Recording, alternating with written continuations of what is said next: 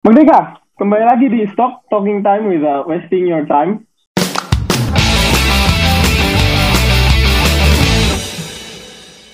Indonesia sedang tidak baik-baik saja, sepertinya. Oleh karena itu, pada kesempatan kali ini, uh, Stok akan berusaha membahas masalah yang serius. Akhir-akhir ini, pendengar yang budiman, trending sekali di Twitter uh, hashtag Mosi tidak percaya. Pendengar yang budiman di mana pun kalian berada, inilah Stok episode Omnibus Law. Oke, tentunya kita di sini tidak membahas masalah ini sendirian ya, karena kan ya nggak enak juga gitu membahas masalah satu sendirian buat apa ngomong sendiri kan. Jadi, jadi kami sudah mengundang kakak-kakak yang hebat ini kita panggil sebagai bintang tamu ya pada episode kali ini. Oke, tepuk tangan dulu, tepuk tangan. Tepuk tangan. Oke. Oke, ada Kak Pratnya Wicaksana selaku staf sosial politik BEM Fakultas Hukum Universitas Airlangga. Ya, Mas boleh dinyalakan, silakan. Oke, um, Halo, ada... terima kasih. Uh, Assalamualaikum warahmatullahi wabarakatuh. Selamat siang, eh selamat sore. Swastiastu, Nama Budaya, Salam Kebajikan. Um, terima kasih sebelumnya sudah mengundang saya sebagai narasumber dalam acara podcast BMFKB UNER. Ini um, juga saya salam salam kepada Mbak Nadia dan Mas Danis. Oke, Halo. salam kenal. Oke, kami uh, yang merasa terhormat Mas bisa Mas bisa hadir di sini. Selanjutnya ada Mbak Nadia Latu Amuri selaku koor Kastrat BEM Fakultas Kedokteran Gigi Universitas Airlangga. Halo. Ya Mbak Nadia mungkin bisa perkenalkan diri. Oke, jadi di sini aku Nadia, Nadia Latuamuri dari perwakilan Kastra yang diundang nih. Thank you, Stok. Ya terima kasih juga Mbak sudah mau menyempatkan waktunya sibuk. Padahal Senin ini UTS ini semua FKG. Ya, saya juga UTS Senin. Oh iya satu Iya. UTS berarti Mas ya. Iya. Iya, satu bulan terakhir, udah Senin UTS. Ada Mas Danis selaku perwakilan dari teman-teman buruh Indonesia. Gimana kabarnya Mas Danis? Alhamdulillah baik. Assalamualaikum Ya, warahmatullahi mungkin wabarakatuh. Perkenalan. Selamat sore nih. Iya, selamat sore Mas. Terima kasih sudah mau bergabung Iya. Mas Danis. Sama-sama. Nih, kita lanjut saja ya. Kita lanjut sudah perkenalan. Ada Mas Tanya, se- eh, panggilannya Mas Pradnya. Ada Mbak Nadia sama ada Mas Danis. Oke, sebelum kita membahas lebih lanjut mengenai kebijakan DPR RI yang baru-baru ini, terutamanya Omnibus Law yang kita akan berusaha kupas lebih detail pada episode kali ini. Kita kasih intro sedikit ya, biar kita sama-sama punya basic untuk mendengarkan apa sih yang kita bahas di episode ini. Baik, Omnibus Law merupakan sebuah aturan yang mengatur beberapa hal dalam satu undang-undang dan menggantikan aturan perundang-undangan yang sudah ada sebelumnya.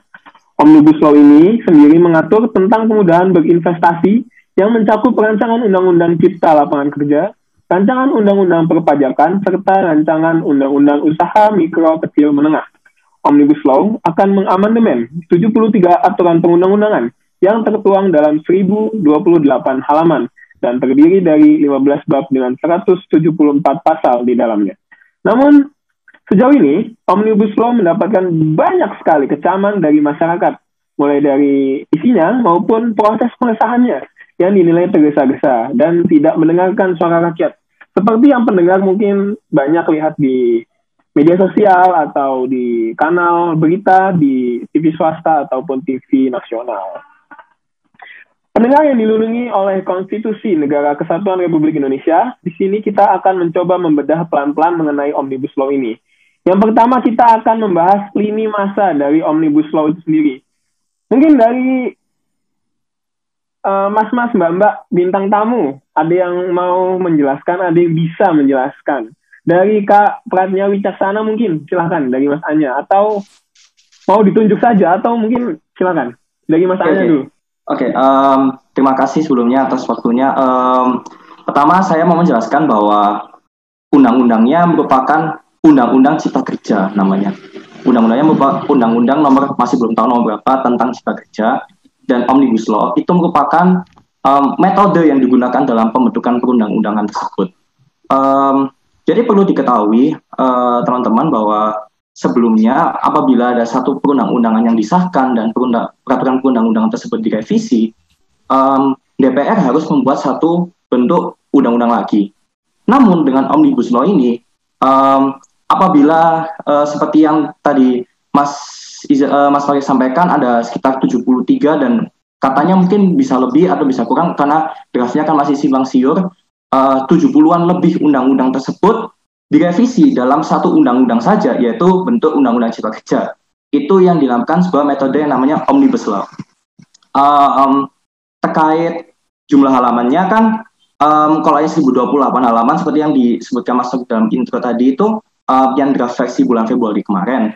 Uh, yang yang draft sekarang itu kemarin kan sempat ada 905 halaman, terus habis itu muncul dari 1052 halaman, sekarang yang saya dapatkan sekarang barusan terbaru itu 805, 815 halaman, dan katanya kemarin aja barusan aku baca di di Tirto ID itu ada 1157 halaman. Ini ya masih simang siur sih emang ya karena um, undang-undang kayak skripsi aja deh kak. Versi fix fix final banget kayak gitu gitulah um, padahal seharusnya um, di dalam peraturan perundang-undangan itu ketika DPR sudah mengetok-tok itu tidak udah tidak boleh diubah-ubah lagi. Entah itu formatnya, entah itu jumlah substan eh, entah itu jumlah pasalnya, entah itu substansinya itu tidak boleh. Karena ketika DPR sudah mengesahkan itu ya sudah itu versi final paripurnanya yang kalau nggak salah kemarin itu 905 halaman yaitu yang akan dikeluarkan di masyarakat. Tapi katanya tapi masih sampai sekarang masih belum ada yang fix ini ya gimana. Uh, mungkin itu terkait mungkin itu aja yang terkait teknis dari peraturan perundang-undangan omnibus law ini. Uh, ya sama satu lagi um, namanya yang terkait perpajakan dan UMKM itu sudah terkandung di dalam UU Cipta Kerja itu. Jadi udah jadi satu intinya. Terkait omnibus law yang berikut-berikutnya itu masih ada banyak sih, tapi yang udah disahkan sekarang itu Cipta Kerja dan itu ada tetap ada ketenaga kerjaan, ada lingkungan, ada UMKM, ada perpajakan ada bahkan haji dan pendidikan di sana semua ada di situ. Oke, mungkin itu aja dari saya. Terima kasih. Baik, terima kasih atas penjelasannya. Oke, jadi Omnibus Law itu ternyata bukan nama undang-undangnya, Mas ya? Ya, Omnibus Law itu metode yang digunakan untuk merevisinya itu. Betul sekali, Mak. Metodenya oh, digunakan untuk revisi. Baik, baik. Dan uh, eh, UU-nya itu namanya Cipta Kerja, yang di dalamnya ada termasuk UMKM dan perpajakan gitu. Betul sekali. Oh baik baik. Betul sekali. Oke. Okay. Ini UU sapu jagat sebuah... kan namanya itu kan. Oh. Oh, hmm, kan okay, uh, saya paham kenapa uh, disebut ya, kenapa disebut sapu jagat kan? Ya, istilahnya ya. tuh sama media ngomongnya tuh sapu jagat karena kan itu merevisi undang -undang. banyak ya, merevisi banyak ya, sekali itu kan. Satu paket hmm. jadi gitu ya. Ya, betul baik. sekali. Mungkin dari Mbak Nadia ada yang mau ditambahkan, Mbak? Menjelaskan apa sih sebenarnya Omnibus Law ini? Karena termasuk saya itu masih agak simpang siur gitu. Apa sih sebenarnya omnibus law ini? Uh, mungkin sudah sama sih sama pro tadi mengenai omnibus law basicnya. Oke okay, baik. Dari Mas Danis mungkin ada yang mau ditambahkan Mas? Ya, jadi tadi yang disampaikan sama Mas Pratnya tadi sudah cukup lengkap ya. Jadi sebenarnya omnibus law ini kenapa sih pemerintah itu membuat sebuah omnibus artinya kayak bis gede tapi bisi banyak orang kalau kita bisa sebuah analogikan jadi berisi banyak peraturan. Jadi omnibus law ini awalnya pemerintah itu memanfaatkan bonus demografi yang Indonesia punya untuk dapat keluar katanya dari negara berpenghasilan menengah. Nah, kemudian yang kedua adalah metode yang digunakan adalah penyederhanaan sinkronisasi, kemudian pemangkasan regulasi atas banyaknya aturan dan regulasi yang dianggap menghambat penciptaan lapangan kerja. Kemudian yang ketiga itu adalah menciptakan lapangan kerja baru melalui peningkatan investasi dengan tetap meningkatan perlindungan bagi pekerja dan buruh. Jadi gambaran kenapa pemerintah itu menggunakan metode omnibus law seperti itu. Selebihnya seperti yang disampaikan oleh Mas Pratnya tadi. Um, saya ingin menambahkan ya, um, dari pernyataan Mas Jadi tadi betul um, bahwa gambaran dari pemerintah kenapa kok ada omnibus law in the first place itu karena seperti itu. Jadi simpelnya aja kita harus menarik lebih banyak investasi asing dengan kita lebih banyak menarik investasi asing sama dengan lapangan pekerjaan semakin banyak juga di Indonesia itu um, gambaran yang diberikan pemerintah kepada masyarakat terkait omnibus law ini mungkin itu aja terima kasih Oke baik terima kasih atas pandangannya Mas Danis dan Mas Anya Oke lanjut Uh, Omnibus Law ini pastinya dibuat berdasarkan pertimbangan yang akan memberikan keuntungan seperti yang tadi dijelaskan oleh Mas Danis dan Mas Anya ya. Menurut Mas-Mas dan Mbak-Mbak ini, apakah ada keuntungan yang real? Maksud saya kayak seperti kayak keuntungan yang bisa dilihat secara gamblang gitu kan kalau dari, dari tadi kita kan seperti masih melihat sepertinya ini akan memberikan keuntungan sepertinya investor akan menarik sepertinya uh, lapangan pekerjaan akan menambah. Nah, sebenarnya apa sih keuntungan yang yang real yang akan diberikan dari uh, pembuatan UU Cipta Kerja ini gitu ya? Kan uh, misal dari segi investor yang masuk ke Indonesia atau dari segi pendidikan mungkin.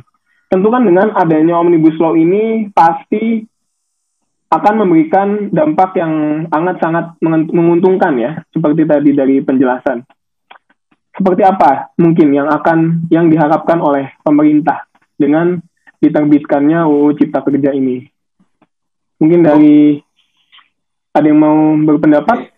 Um, mungkin kalau uh, saya Richard jawabannya mungkin um, apakah keuntungan yang bisa diberikan kepada investor dari undang-undang Cipta Kerja ini seperti itu mungkin Mas Story? Keuntungan secara general Mas, lebih kepada apa sih yang diberikan keuntungan buat bangsa Indonesia gitu. Kalau keuntungan um, kepada investor, mohon maaf saya potong mungkin sepertinya itu bukan keuntungan ya mas ya, itu keuntungan belum investor, tentu, bukan uh, bukan keuntungan buat kita. Oke okay, oke, okay. um, oke okay, saya uh, mungkin saya jelaskan berdasarkan apa yang saya tangkap. Um, belum tentu keuntungan bagi investor itu juga bukan keuntungan bagi masyarakat Indonesia. Jadi kita gini, um, Indonesia selama pemerintahan Jokowi yang periode pertama Jokowi JK itu kita memiliki banyak sekali keberhasilan ekonomi.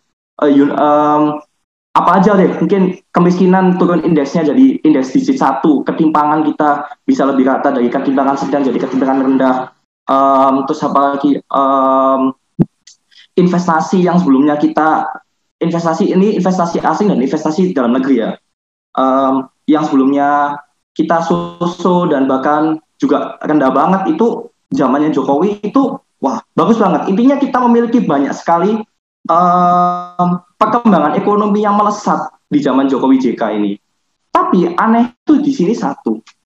Dengan banyak sekali investasi, dengan banyak sekali um, pembangunan infrastruktur yang masif dengan kita lihat jalan tol dan dan orang-orang juga suka dengan uh, ratingnya dengan Presiden Jokowi itu masih tinggi dengan sebelum pemilu itu ada satu masalah kalau menurut saya. Um, pertumbuhan ekonomi kita tuh yang sebelumnya diimpikan Jokowi JK sama kampanye 2014 yang gradually dari kita yang pertumbuhannya itu di bawah 4%, ketika 2019 itu sudah 7% pertumbuhan PDB-nya, produk domestik brutonya.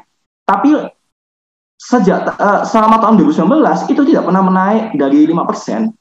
Um, ini ini aneh gitu loh. Uh, ini merupakan hal yang aneh gitu kan terkait um, kita kita udah mendapatkan keuntungan pak itu kita udah mendapatkan keuntungannya sangat banyak dari pertumbuhan ekonomi itu tapi pertumbuhan uh, dari tapi pertumbuhan ekonomi itu tidak pernah apa ya nggak pernah nggak pernah nggak pernah sangat pesat nggak pernah gini soalnya gini terus saja gitu itu karena apa ya kita ini banyak investasi tapi kita masih minim hasil gitu loh um, Oke, saya potong Mas Anya. Oke, oke, oke. Oke, oke. Berarti apakah mungkin dengan diterbitkannya UU Cipta Kerja ini pemerintah berharap uh, stagnan yang tadi itu bisa meningkat mungkin mas? Enggak, kok mungkin harapannya mereka gitu, tapi kalau menurut saya itu enggak. Kenapa? Karena kita salah diagnosa. Kenapa kok kita apa namanya itu um, ekonomi kita nggak pernah pesat? Ekonomi kita nggak pernah pesat dan investasi nggak pernah tumbuh itu kalau menurut data yang dikeluarkan dari World Economic Forum, entah itu investasi asing atau investasi dalam negeri, itu bukan masalah ketenaga kerjaan, bukan masalah lapangan kerja yang sempit. Kita udah punya banyak lapangan kerja yang sangat banyak gitu loh. Dan uh, dan masalah dan regulasi-regulasi ketenaga kerjaan kita tuh udah bukan saya nggak ngomong perfect, tapi udah bagus. Masalahnya kenapa? Karena masih banyaknya korupsi, korupsi menjamur dan birokrasi ini inefisien. Jadi menurut saya ketika omnibus law itu dirilis dan mengawang bahwa investasi asing itu hadir untuk menciptakan banyak lapangan kerja dan menaikkan stagnasi stagnasi ekonomi yang selalu menjadi problema utama dalam pemerintahan Jokowi itu salah menurut saya. Itu bukan itu. Masalahnya korupsi dan kita sudah tahu sendiri kena tahun kemarin tahun 2019 bahwa ada unjuk rasa yang ngomong bahwa dengan revisi UKPK KPK dilemahkan dengan berbagai regulasi yang Oke, okay, saya, saya potong okay. di situ Mas Anya. Oke, okay, oke. Okay. Saya potong di situ Mas Anya. Berarti uh, menurut uh, pandangan hmm. seperti uh, yang yang saya tangkap itu apakah omnibus law berarti tidak memberikan keuntungan gitu menurut Mas? Enggak, enggak, enggak memberikan, tidak memberikan. Karena um, tidak ada pembenahan pembenahan pembenahan terkait deregulasi dan uh, dan sebagainya macamnya itu itu tidak apa ya intinya kalau misalnya kita uh, misalnya jadi kayak saya sakit perut eh saya sakit mah pasti saya minum obat mah kan. Kayak nggak mungkin minum obat pusing kan. Nah tapi omnibus law ini ya, ketika betul. Indonesia sakit mah omnibus law ini bagikan obat sakit kepala. Jadi salah menurut saya seperti itu ya, itu baik. itu pandangan pandangan simpelnya saya seperti itu Oke baik, kita keep dulu jawabannya dari Mas Anya pendapatnya. Kita lanjut ke Mbak Nadia. Bagaimana pendapat Mbak Nadia tentang Omnibus Law ini? Apakah memberikan keuntungan atau mungkin pendapatnya sama 11-12 dengan Mas Anya? Uh, kalau menurut saya sih, menurut aku ya, menurut aku uh, tujuan dari pembuatan omnibus law ini mungkin memang baik sih uh, untuk menarik investor, tapi kenyataannya dan berdasarkan data juga uh, investor kita tuh udah banyak gitu. Uh, kemudian kayak regulasi dalam omnibus law ini pasal-pasal yang uh, terkandung dalamnya itu kayak belum malah apa ya menguntungkan pihak dari uh, pemerintah atau dari investor, tapi dari pihak buruhnya itu yang uh, apa kurang kurang baik gitu. Jadi emang tujuannya mungkin emang udah baik dari pemerintah tapi pasal pasal-pasal di dalamnya ataupun aturan di dalamnya tuh yang kayak kurang memenuhi aja gitu targetnya gitu sih. Sehingga uh, banyak kecaman juga dari publik terkait itu yang mungkin lebih mengerti tentang peraturan kayak gitu. gitu Oke, okay, baik kita tahan dulu. Sudah dua jawaban ya, tidak menghasilkan apa ada keuntungan dari omnibus law ini. Selanjutnya kita melihat dari sudut pandang teman-teman buruh yang diwakilkan oleh Mas Danis. Karena kan ini dua jawaban sebelumnya itu dari mahasiswa ya, yang notabene belum bekerja dan belum mengetahui apakah dunia pekerjaan itu seperti A atau seperti B. Ya, kita langsung. Mas Danis, seperti apa menurut Mas Danis? Apakah Omnibus Law ini memberikan dampak yang positif? Apakah memberikan keuntungan gitu, Mas? Sehingga pemerintah kok, kalau bahasa Jawa itu apa mekso pengen bang mari gitu bang mari ya iya iya mas mekso iya gimana pendapatnya mas Dani oke jadi omnibus law seperti yang saya sampaikan tadi tujuan pemerintah itu kan ada tiga nah dari 11 klaster yang ada menurut kami itu memang ada beberapa ada beberapa pandangan yang kami rasa cukup baik ya dari sektor perburuhan maupun dan kawan-kawan. Tapi itu tidak pada klaster ketenaga kerjaan, lingkungan, agraria dan lain-lain. Nah, ini kita saya bicara bicara tentang konten ya, konten dari yang kami pelajari dari kawan-kawan juga kita melakukan catatan kritis. Jadi ada satu yang menurut saya itu cukup baik dari Omnibus Law yaitu memberikan perlindungan dan kemudahan bagi UMKM dan koperasi supaya bisa masuk ke sektor formal dengan kemudahan perizinan, kemudian pembinaan dan pendirian. Nah, memang untuk catatan yang ada di Kementerian Perekonomian dan Keuangan itu ada sekitar 64 juta dari total UMKM atau 99,9 persen itu memang rasio pekerja informalnya sebesar 70,5 juta atau 55,7 persen. Nah, memang secara secara kebijakan ini baik, cuma tapi dari pasal-pasal yang lain karena omnibus law ini kan tidak bisa kita lihat satu pasal aja, tapi kita juga lihat dari pasal-pasal yang lain. Nah, kemudian tadi saya menyambung terkait dengan investasi. Saat ini memang pemerintah kan berargumen bahwa investasi adalah kunci dalam menciptakan lapangan kerja. Tapi data re realisasi investasi ini sebenarnya mengindikasikan bahwa akar masalah pengangguran di Indonesia bukan karena suntikan modal, tapi karena jumlah serapan kerja. Jadi untuk kenapa tadi di saya menjawab terkait dengan investasi Indonesia itu kurang kurang greget ya, karena memang tidak berdampak pada pembukaan lapangan kerja. Saya pakai data Badan Koordinasi Penanaman Modal Indonesia yang perlu dipertanyakan ini dana investasi ini modalnya mengalir ke mana? Setelah kita, karena saya juga dari pekerja atau buruh di sektor perbankan, saya coba melakukan analisa terkait data terbaru dari Badan Penanaman Modal Nasional bahwa yang sebelumnya di tahun-tahun 2 2 sampai 3 tahun yang lalu itu manufaktur itu menjadi menjadi sebuah sektor yang yang menurut apa pemerintah itu yang top lah ya karena memang aliran dana investasinya cukup cukup baik. Tapi dalam tiga tahun terakhir ini justru manufaktur ini yang sebelumnya mendominasi itu digeser oleh jasa sektor jasa atau sektor tersier yang lainnya seperti yang pertama adalah konstruksi, transportasi, telekomunikasi, dan jasa keuangan. Nah, jasa keuangan ini juga ya kita melihat dari tadi yang saya sampaikan terkait dengan aliran dana ke manufaktur. Nah, ini juga sekarang lebih kepada sektor yang bersifat tersier seperti perbankan. Nah, saya mencontohkan di perbankan arus modal yang masuk itu sampai ratusan triliun. Tapi tenaga kerjanya dengan efek disrupsi teknologi, digitalisasi perbankan, jumlah tenaga kerjanya semakin kecil. Jadi gambarannya adalah investasi yang masuk itu besar, tapi serapan dari tenaga kerja, calon tenaga kerja baik itu yang masih kuliah atau baru lulus itu yang sangat kecil sekali. Jadi itu saja yang yang gambaran kalau misalkan buat kawan-kawan milenial. Jadi investasi yang masuk ini setiap tahun sejak tahun 2014 sampai dengan 2019 itu trennya adalah selalu naik. Cuman berbanding terbalik dengan serapan tenaga kerjanya yang awalnya itu mungkin di manufaktur adalah sifatnya adalah padat karya dengan jumlah tenaga kerja yang banyak, misalkan pabrik rokok, pabrik sepatu dan lain sebagainya. Sekarang dengan seiring dengan perkembangan teknologi, perkembangan zaman, nah contoh lagi seperti transportasi online itu harus kalau misalkan kawan-kawan itu bisa lihat di berita investasi yang masuk ke dua operator untuk ojek online ini cukup besar ya kan tapi kemitraan dengan para pengemudi atau driver itu tidak ada dan sangat rentan sekali. Bisa sewaktu-waktu karena hanya mungkin terlambat dia untuk mengantar makanan kemudian ini terus disuspend dan sebagainya. Artinya hubungan kerja ini sangat riskan. Nah perkara pekerja yang sifatnya itu formal di dua dua apa dua ojek online ini tadi itu cukup sedikit tapi modal yang masuk cukup besar dan itu sempat bikin heboh di Indonesia terkait arus modal yang masuk ke Indonesia. Saya kira itu. Baik, terima kasih atas pendapatnya Mas Danis. Bisa saya simpulkan karena kita tidak boleh ya ma, secara secara tanpa dari sudut pandang mana-mana terus tiba-tiba ngomong uh, ini tidak memberikan keuntungan, mungkin memberikan keuntungan, tapi kepada pihak siapanya itu ya saya tidak mau ngomong, tapi tetap memberikan keuntungan, tetap memberikan keuntungan. Yang saya garis bawahi tadi keuntungan kepada UMKM. Jadi UMKM seperti kata Mas Danis diberikan perlindungan, terus kemudahan administrasi, terus lebih mudah masuk ke ranah yang lebih formal. Benar Mas ya? Benar Mas.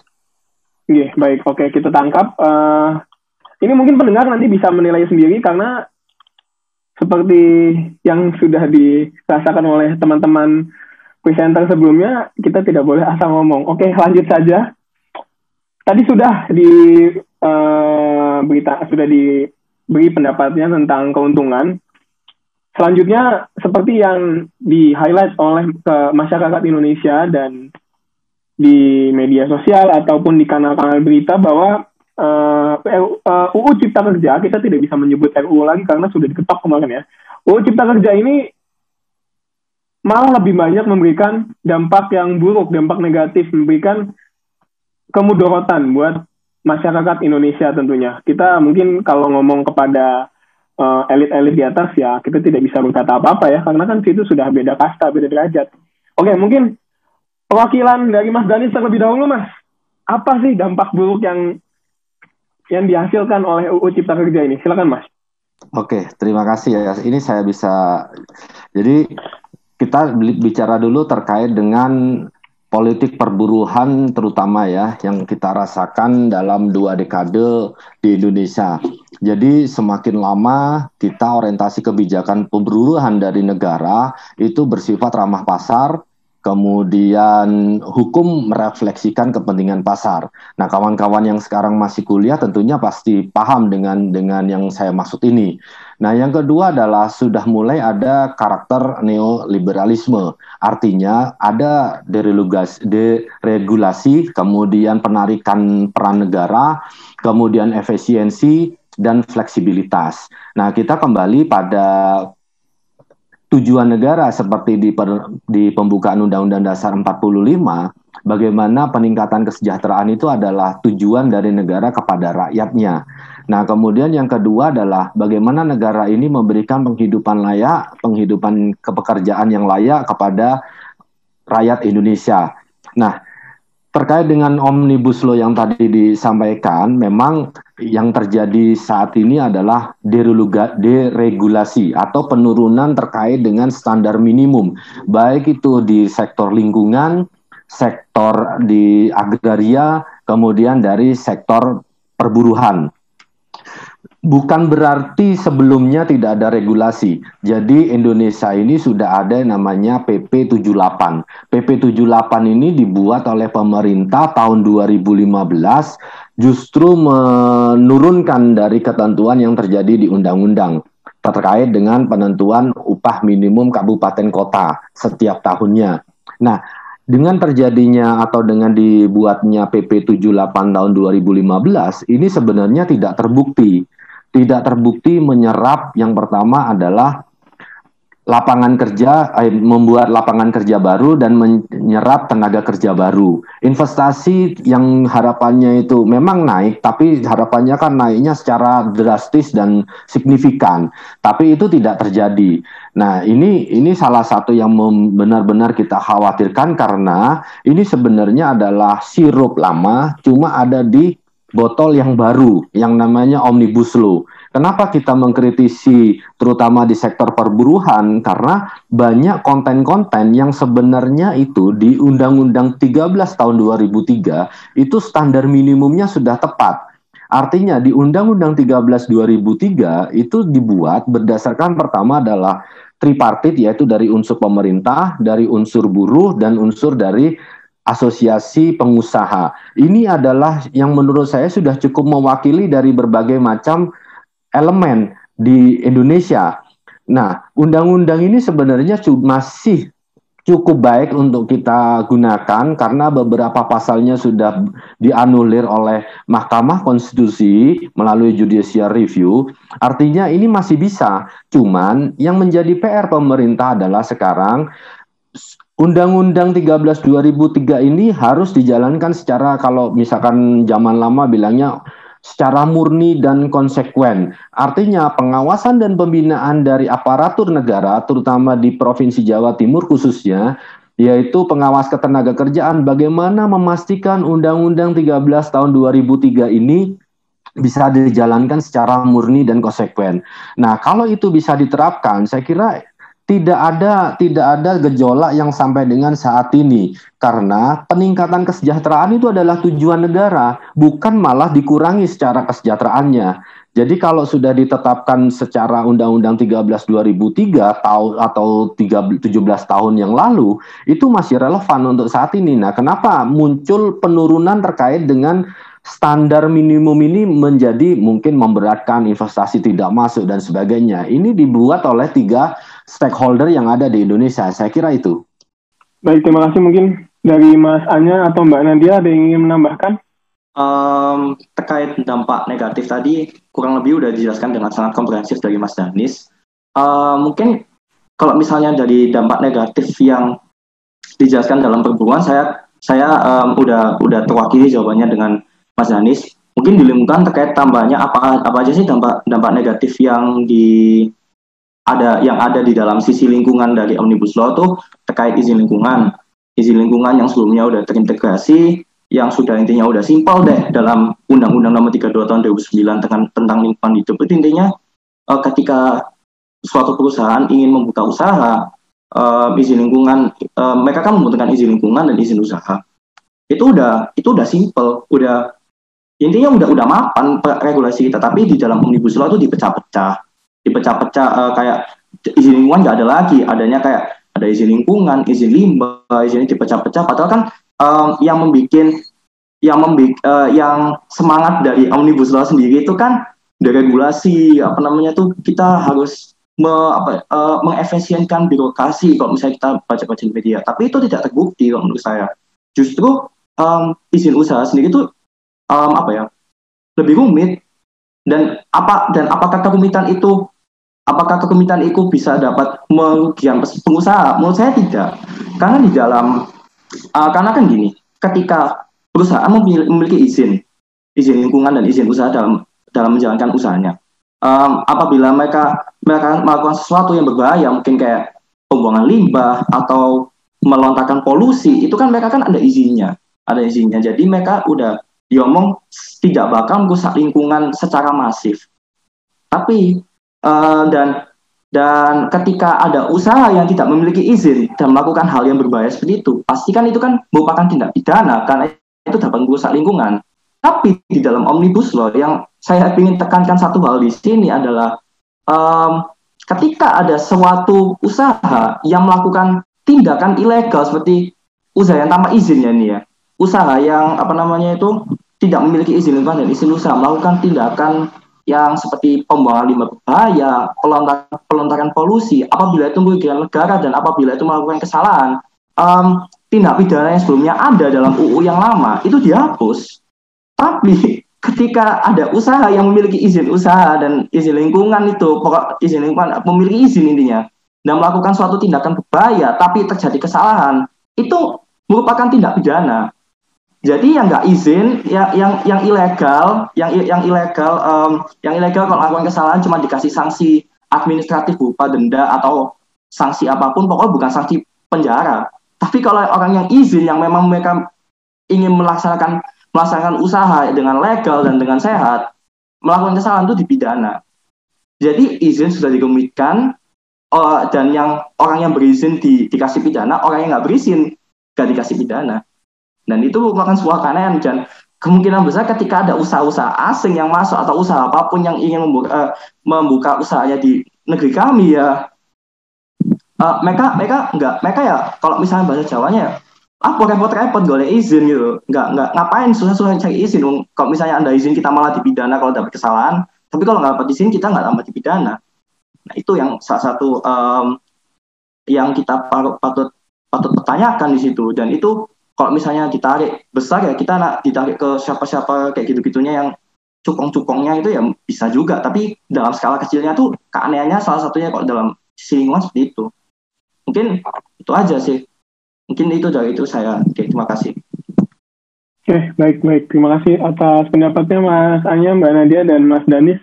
Uh, selanjutnya tadi kan sudah kita sudah berusaha mendapatkan informasi dasar, informasi basic dari uh, omnibus law, kemudian keuntungannya, lalu ke tidak untungan dari omnibus law ini. Dan untuk lebih detailnya, untuk teman-teman yang mungkin mendengar nanti, apakah Mungkin dari Mas Anya atau Mas Danis bisa uh, menjabarkan atau mungkin memberi contoh pasal-pasal yang bermasalah seperti tadi yang dijelaskan oleh Mas Danis atau Mas Anya sebelumnya. Silakan. Mungkin Mas Danis dulu aja. Monggo Mas Danis. Oke, berarti saya dulu nih ya. Jadi ini yang saya gunakan sebenarnya adalah draft versi 815 ya. Karena draft ini kan juga cukup banyak dan kita belum tahu. Tadi juga saya sempat buka portalnya di dpr.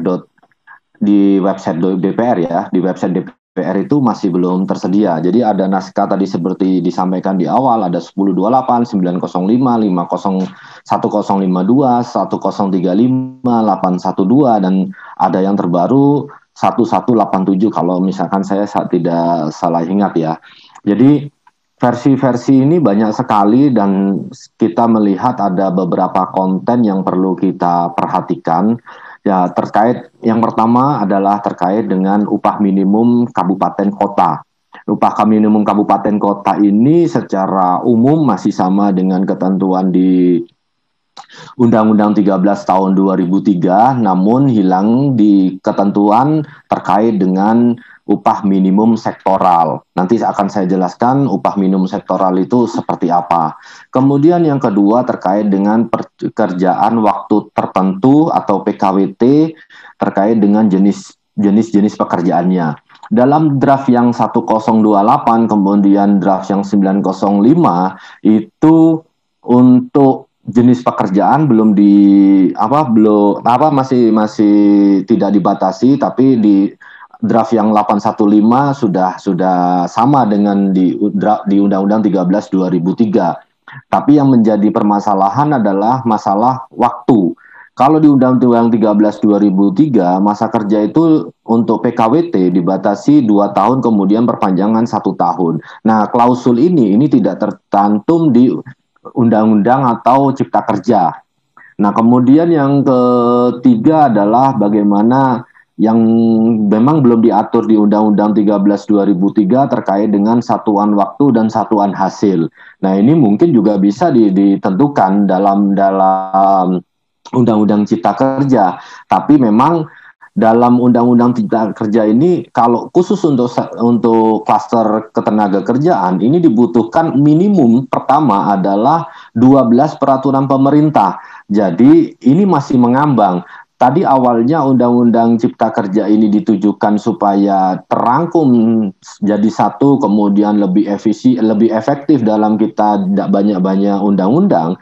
Namun di sini tadi di awal Mas Tarik bilang bahwa seharusnya undang-undang Omnibus Law ini kan menggantikan undang-undang yang lama tapi di beberapa kesempatan melalui Menteri Ketenagakerjaan bahwa disampaikan apa yang tidak diatur di Undang-Undang Cipta Kerja ini tetap mengikuti ketentuan Undang-Undang 13 tahun 2003. Saya sudah baca bola-balik dari klausul yang ada di draft ya, di draft 815 ini tidak ada pondasi hukum di mana yang disampaikan seperti yang disampaikan oleh para pejabat-pejabat negara bahwa Undang-Undang Cipta Kerja yang tidak diatur di Undang-Undang Cipta Kerja ini akan menggunakan Undang-Undang apa 13 2003 kemudian dan undang-undang yang lainnya. Ini masih belum ditemukan. Nah, yang kedua, undang-undang ini sudah ditop oleh DPR RI tanggal 5 Oktober 2020. Sampai dengan hari ini kita dibuat para pekerja para buruh terjun juga serikat pekerja serikat buruh ini dianggap kita masih di masih problematika deg-deg gitu ya jadi kita masih ragu karena di sini di Undang-Undang Cipta Kerja ini juga tidak tegas. Kalau saya bilang nanggung, nanggungnya masih ada aturan-aturan turunan. Tadi saya bilang dalam waktu sekitar sampai dengan 2020 ini dibutuhkan 12 peraturan pemerintah yang mengatur tentang yang pertama saya punya punya gambarannya ya. Jadi Undang-Undang Cipta Kerja turunannya yang pertama tentang pelaksanaan ketenaga kerjaan. Pelaksanaan ketenaga kerjaan ini dibutuhkan tiga peraturan pemerintah. Yang pertama adalah penggunaan tenaga asing, yang kedua adalah hubungan kerja dan PHK, kemudian yang ketiga adalah waktu kerja dan waktu istirahat. Yang kedua tentang peraturan pemerintah yang mengatur tentang pengupahan. Pengupahan ini akan ada empat peraturan pemerintah lagi. Yang pertama adalah Dewan Pengupahan, yang kedua adalah upah minimum provinsi, yang ketiga upah minimum kabupaten kota, yang keempat adalah penetapan upah minimum. Nah, kemudian ditambah lagi yang lagi seru ini. Karena banyak terkait dengan pesangon ada yang namanya program jaminan kehilangan pekerjaan. Nah, program jaminan kerjaan ini juga ada lagi turunannya terkait dengan prinsip penyelenggaraan JKP ini seperti apa, kemudian cakupan pekerja atau buruh yang dapat mengikuti JKP itu bagaimana, kemudian manfaat JKP itu seperti apa, masa pe masa kepers sertanya berapa lama? Dan yang terakhir ini yang banyak pertanyaan dan bikin heboh pendanaannya dari mana? Saya kira gampangannya seperti itu. Jadi kita masih dalam konteks abu-abu. Dengan adanya undang-undang cipta kerja ini kita masih masih belum bisa memberikan gambaran. Dari pasal-pasalnya pun juga masih sering berubah-ubah katanya ya. Jadi kita masih mem belum memiliki draft yang resmi yang bisa kita jadikan patokan saat ini. Kita juga berdasarkan dari beberapa versi, enam versi ini kita ambil mana ada yang perubahan, mana yang masih tetap. mana substansi yang hilang, mana yang sebelumnya tidak ada malah justru bertambah dari yang 1028. Kenapa 1028 itu penting? Karena itu yang diupload di websitenya Kementerian eh, Perekonomian. Jadi kepentingan koordinator perekonomian. Selain itu kita tidak ada dan memang di website DPR itu juga juga tidak ditemukan dan sudah dicari di setnya dan sebagainya. Tapi anehnya dalam beberapa hari yang lalu dari Sekretariat Negara datang ke MUI, kemudian datang juga ke Muhammadiyah memberikan draft. Nah ini yang sedang kita coba kaji. Jangan sampai ketika kita jadikan patokan itu dengan melupakan yang lama, ternyata berubah lagi. Nah ini juga kurang baik sih dalam tata negara kita ini juga sangat kacau. Saya kira itu aja.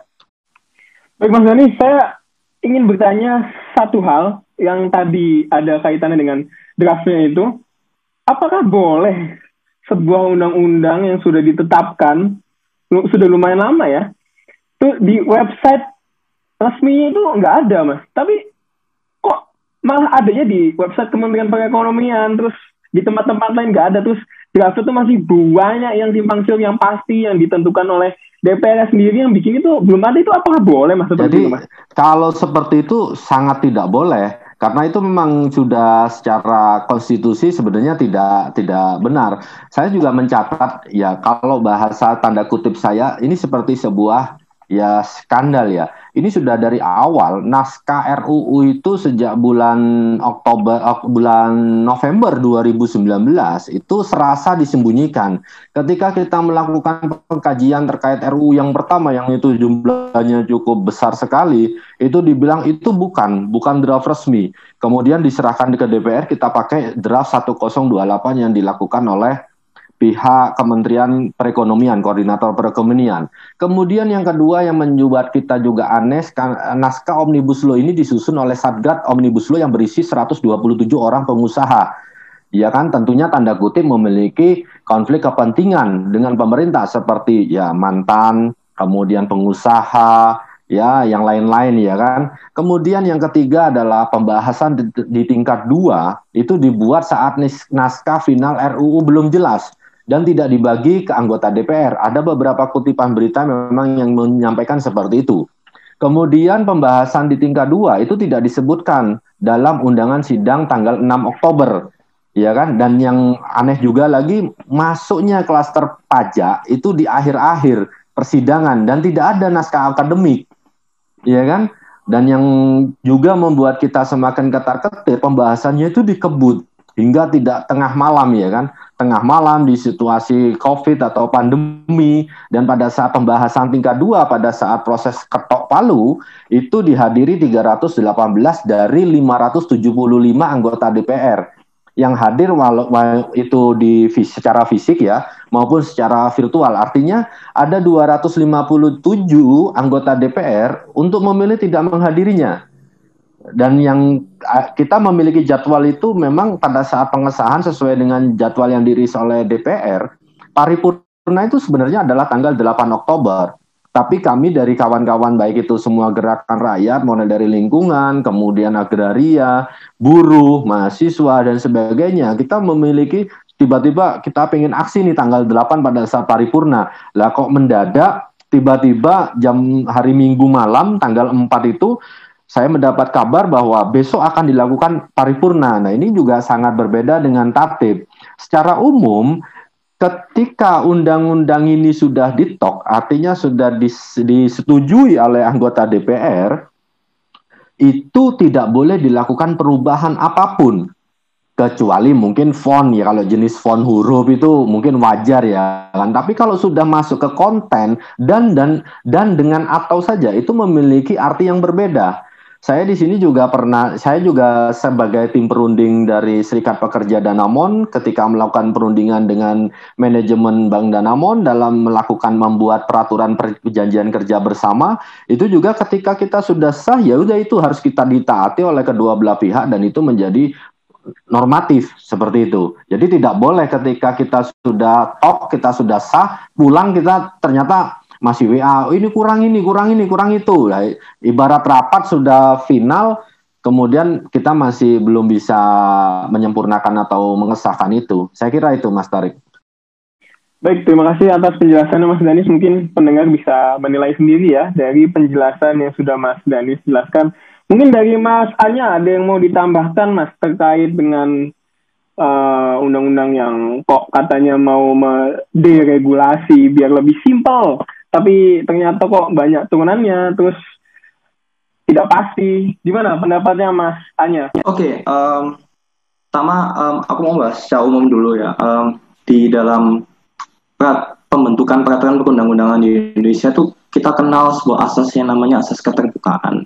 Um, di dalam asas keterbukaan itu, ketika perwakilan rakyat menyusun undang-undang, itu ha ha hakikatnya tuh harus terbuka mungkin, tidak ada penutup, tidak ada um, apa ya, dan dia ada yang ditutupi partisipasi partisipasi dan pendapat masyarakat itu um, harus apa ya jadi kok misalnya dalam internet ini, kalau misalnya di dalam websitenya DPR itu ada yang namanya kayak sebuah bagian di mana masyarakat bisa me memberikan aspirasi masyarakatnya dengan sangat mudah. Lah tapi di omnibus law ini pembahasan sudah tertutup, uh, cepat-cepat di tengah pandemi, terus habis itu uh, partisipasi masyarakat juga.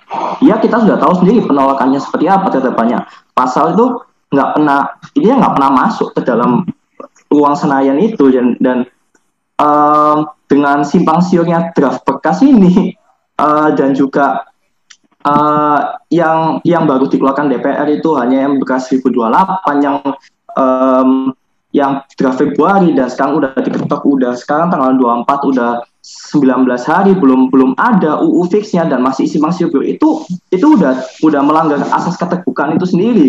Dan menurut saya itu uh, menunjukkan bahwa perwakilan rakyat kita tuh tidak ada intensi bahwa untuk memenuhi asas tersebut tersebut. Batal tuh diatur dalam undang-undang gitu loh dalam undang-undang 12 tahun 2011 itu secara umumnya. Kedua semangat dari deregulasinya nih kalau menurut saya sendiri itu saya tidak menemukan gitu loh. Um, dalam sektor ketenaga kerjaan yang kalau nggak salah tuh berapa lama tuh kan udah banyak aja itu nemuin sekitar diperlukan 12 aturan turunan uh, 12 peraturan pemerintah dan kalau misalnya peraturan daerah saya kurang tahu, saya kurang lupa. Tapi dalam seluruh omnibus law-nya ini, dalam seluruh UU Cipta Kerja ini, um, para ahli di saya pernah baca di sekolah di kajian uh, catatan kritisnya para dosen tata negara UGM itu membutuhkan lebih dari 500 aturan turunan agar undang-undang cipta kerja tersebut dapat berjalan dengan efektif. 500 bayangin itu itu banyak sekali itu. Um, dan apakah 500 aturan tersebut dapat dilaksanakan dengan cepat? Soalnya saya kemarin saya juga dengar di berita kalau misalnya aturan turunan semua aturan turunan tersebut dalam omnibus law akan dikebut oleh pemerintah dalam waktu tiga bulan itu nggak mungkin gitu itu it's just not possible gitu loh 500 aturan yang 490-annya itu merupakan aturan peraturan pemerintah yang dibuat oleh pusat dibuat oleh eksekutif dikebut dalam waktu tiga bulan itu enggak nggak mungkin it's just not possible gitu loh. Dan kita kan udah tahu sendiri bahwa um, banyak sekali peraturan pemerintah dalam suatu undang-undang yang lama itu sampai sekarang masih belum dibuat. Itu padahal udah tahunan nah ini dalam waktu tiga bulan. Itu kan apa ya secara nalak tuh nggak mungkin. Itu umumnya. Secara khusus mungkin um, yang sudah saya sampaikan tadi terkait um, apa namanya tuh lingkungan tadi um, kalau misalnya di ketenaga kerjaan tadi udah dijelaskan dengan sangat komprehensif oleh Mas Danis. Mungkin yang saya mau bahas itu terkait anu ya, apa namanya tuh mungkin lingkungan lagi, lingkungan lagi ya mungkin. Um, bahwa um, ini terkait AMDAL.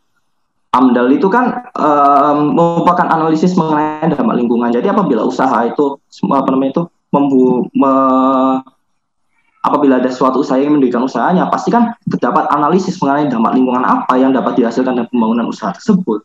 Um, dan terkaitnya ketika kita membahas dampak lingkungan, kita membahas terkait siapa yang kena dampak, yaitu masyarakat itu sendiri. Sebelumnya kita dalam ketika usaha, ketika apa namanya, ketika suatu usaha ingin mendirikan, ingin mendapatkan izin amdalnya tersebut, masyarakat itu pasti di ada partisipasi dari masyarakat karena karena dalam dalam sebuah bentuk namanya komisi komisi penilai amdal ya salah itu ada ada dari pemerintah, dari ahli lingkungan, dan juga dari masyarakat. Karena masyarakat ini sangat penting. Um, tapi di dalam omnibus law ini partisipasi masyarakat itu tidak itu tidak ada lagi hanya dari pemerintah pusat dan dari pemerintah daerah. Bahkan komisi penilai amdalnya sebut yang mewajibkan ada unsur masyarakat dalam pengeluaran izin AMDAL itu udah tidak ada lagi diganti sebuah aku saya lupa namanya. Pokok apa namanya itu sebuah sebuah komisi lagi yang baru yang tidak ada izin masa yang ada tidak ada apa namanya itu partisipasi dari masyarakat. Nah itu kan um, bakal amdalnya tetap ada tapi bayangkan analisisnya yang keluar seperti apa ketika masyarakat sendiri itu tidak tidak ada suaranya di dalam izin tersebut. Partisipasi masyarakat akan sangat dikurangi dan um, saya pernah saya juga baca juga di sisi lingkungan itu apabila apabila um, izin AMDAL terkait keput izin lingkungan tersebut terkait keputusan lingkungan tersebut dikeluarkan terkait AMDAL tersebut dikeluarkan itu masyarakat tidak lagi bisa menggugat apabila ada terkait ada kesalahan di dalam izin-izin tersebut. Uh, jadi gaya kan gini AMDALnya AMDAL yang sudah yang keluar itu sudah penuhnya tuh intinya nggak ada partisipasi dari masyarakat, hanya dari pemerintah dan pengusaha saja, izin-izinnya udah diprotoli, udah disusahkan, masyarakat nggak bisa gugat apabila mereka dirugikan. Nah itu tandanya berarti kan apa ya hak-hak hak dasar dari masyarakat di mana kita mempunyai suara dan kita mempunyai memiliki apa ya namanya memiliki kedudukannya sama dalam pengadilan ini udah tidak ada lagi. Gitu. Mungkin itu dan itu itu hanya sebagian kecil itu masih banyak sekali mungkin terkait komersialisasi komersialisasi pendidikan yang terus habis itu terkait um, jaminan disabilitas dalam uh, terkait penyandang jaminan terkait penyandang disabilitas dalam usaha sudah dihilangkan penggunaan kata cacat sebelumnya kita sudah tidak, bisa lagi menggunakan kata cacat di dalam undang-undang terkait uh, pemberangusan hak perempuan itu itu masih banyak banget gitu mungkin itu itu saja terkait uh, sependek pengetahuan saya itu yang itu yang ingin sampaikan terkait uh, pasal-pasal yang bermasalah dalam omnibus law. Maaf, terima kasih. Oke, baik. Terima kasih Mas Anya dan Mas Dani. Selanjutnya, uh, kita akan lanjut ke Mbak Nadia. Tapi sebelumnya, saya sebagai perwakilan dari Stok ingin menjelaskan bahwa Stok sendiri itu merupakan program podcast dari BEM Fakultas Kedokteran Gigi Universitas Erlangga.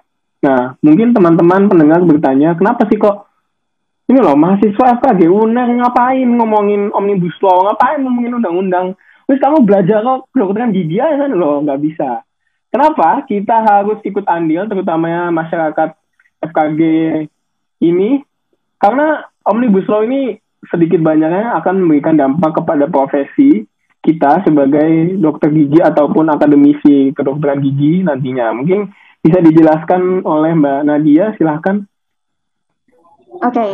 Uh, jadi mengapa sih anak FKG tuh harus ikut andil peka terhadap isu ini?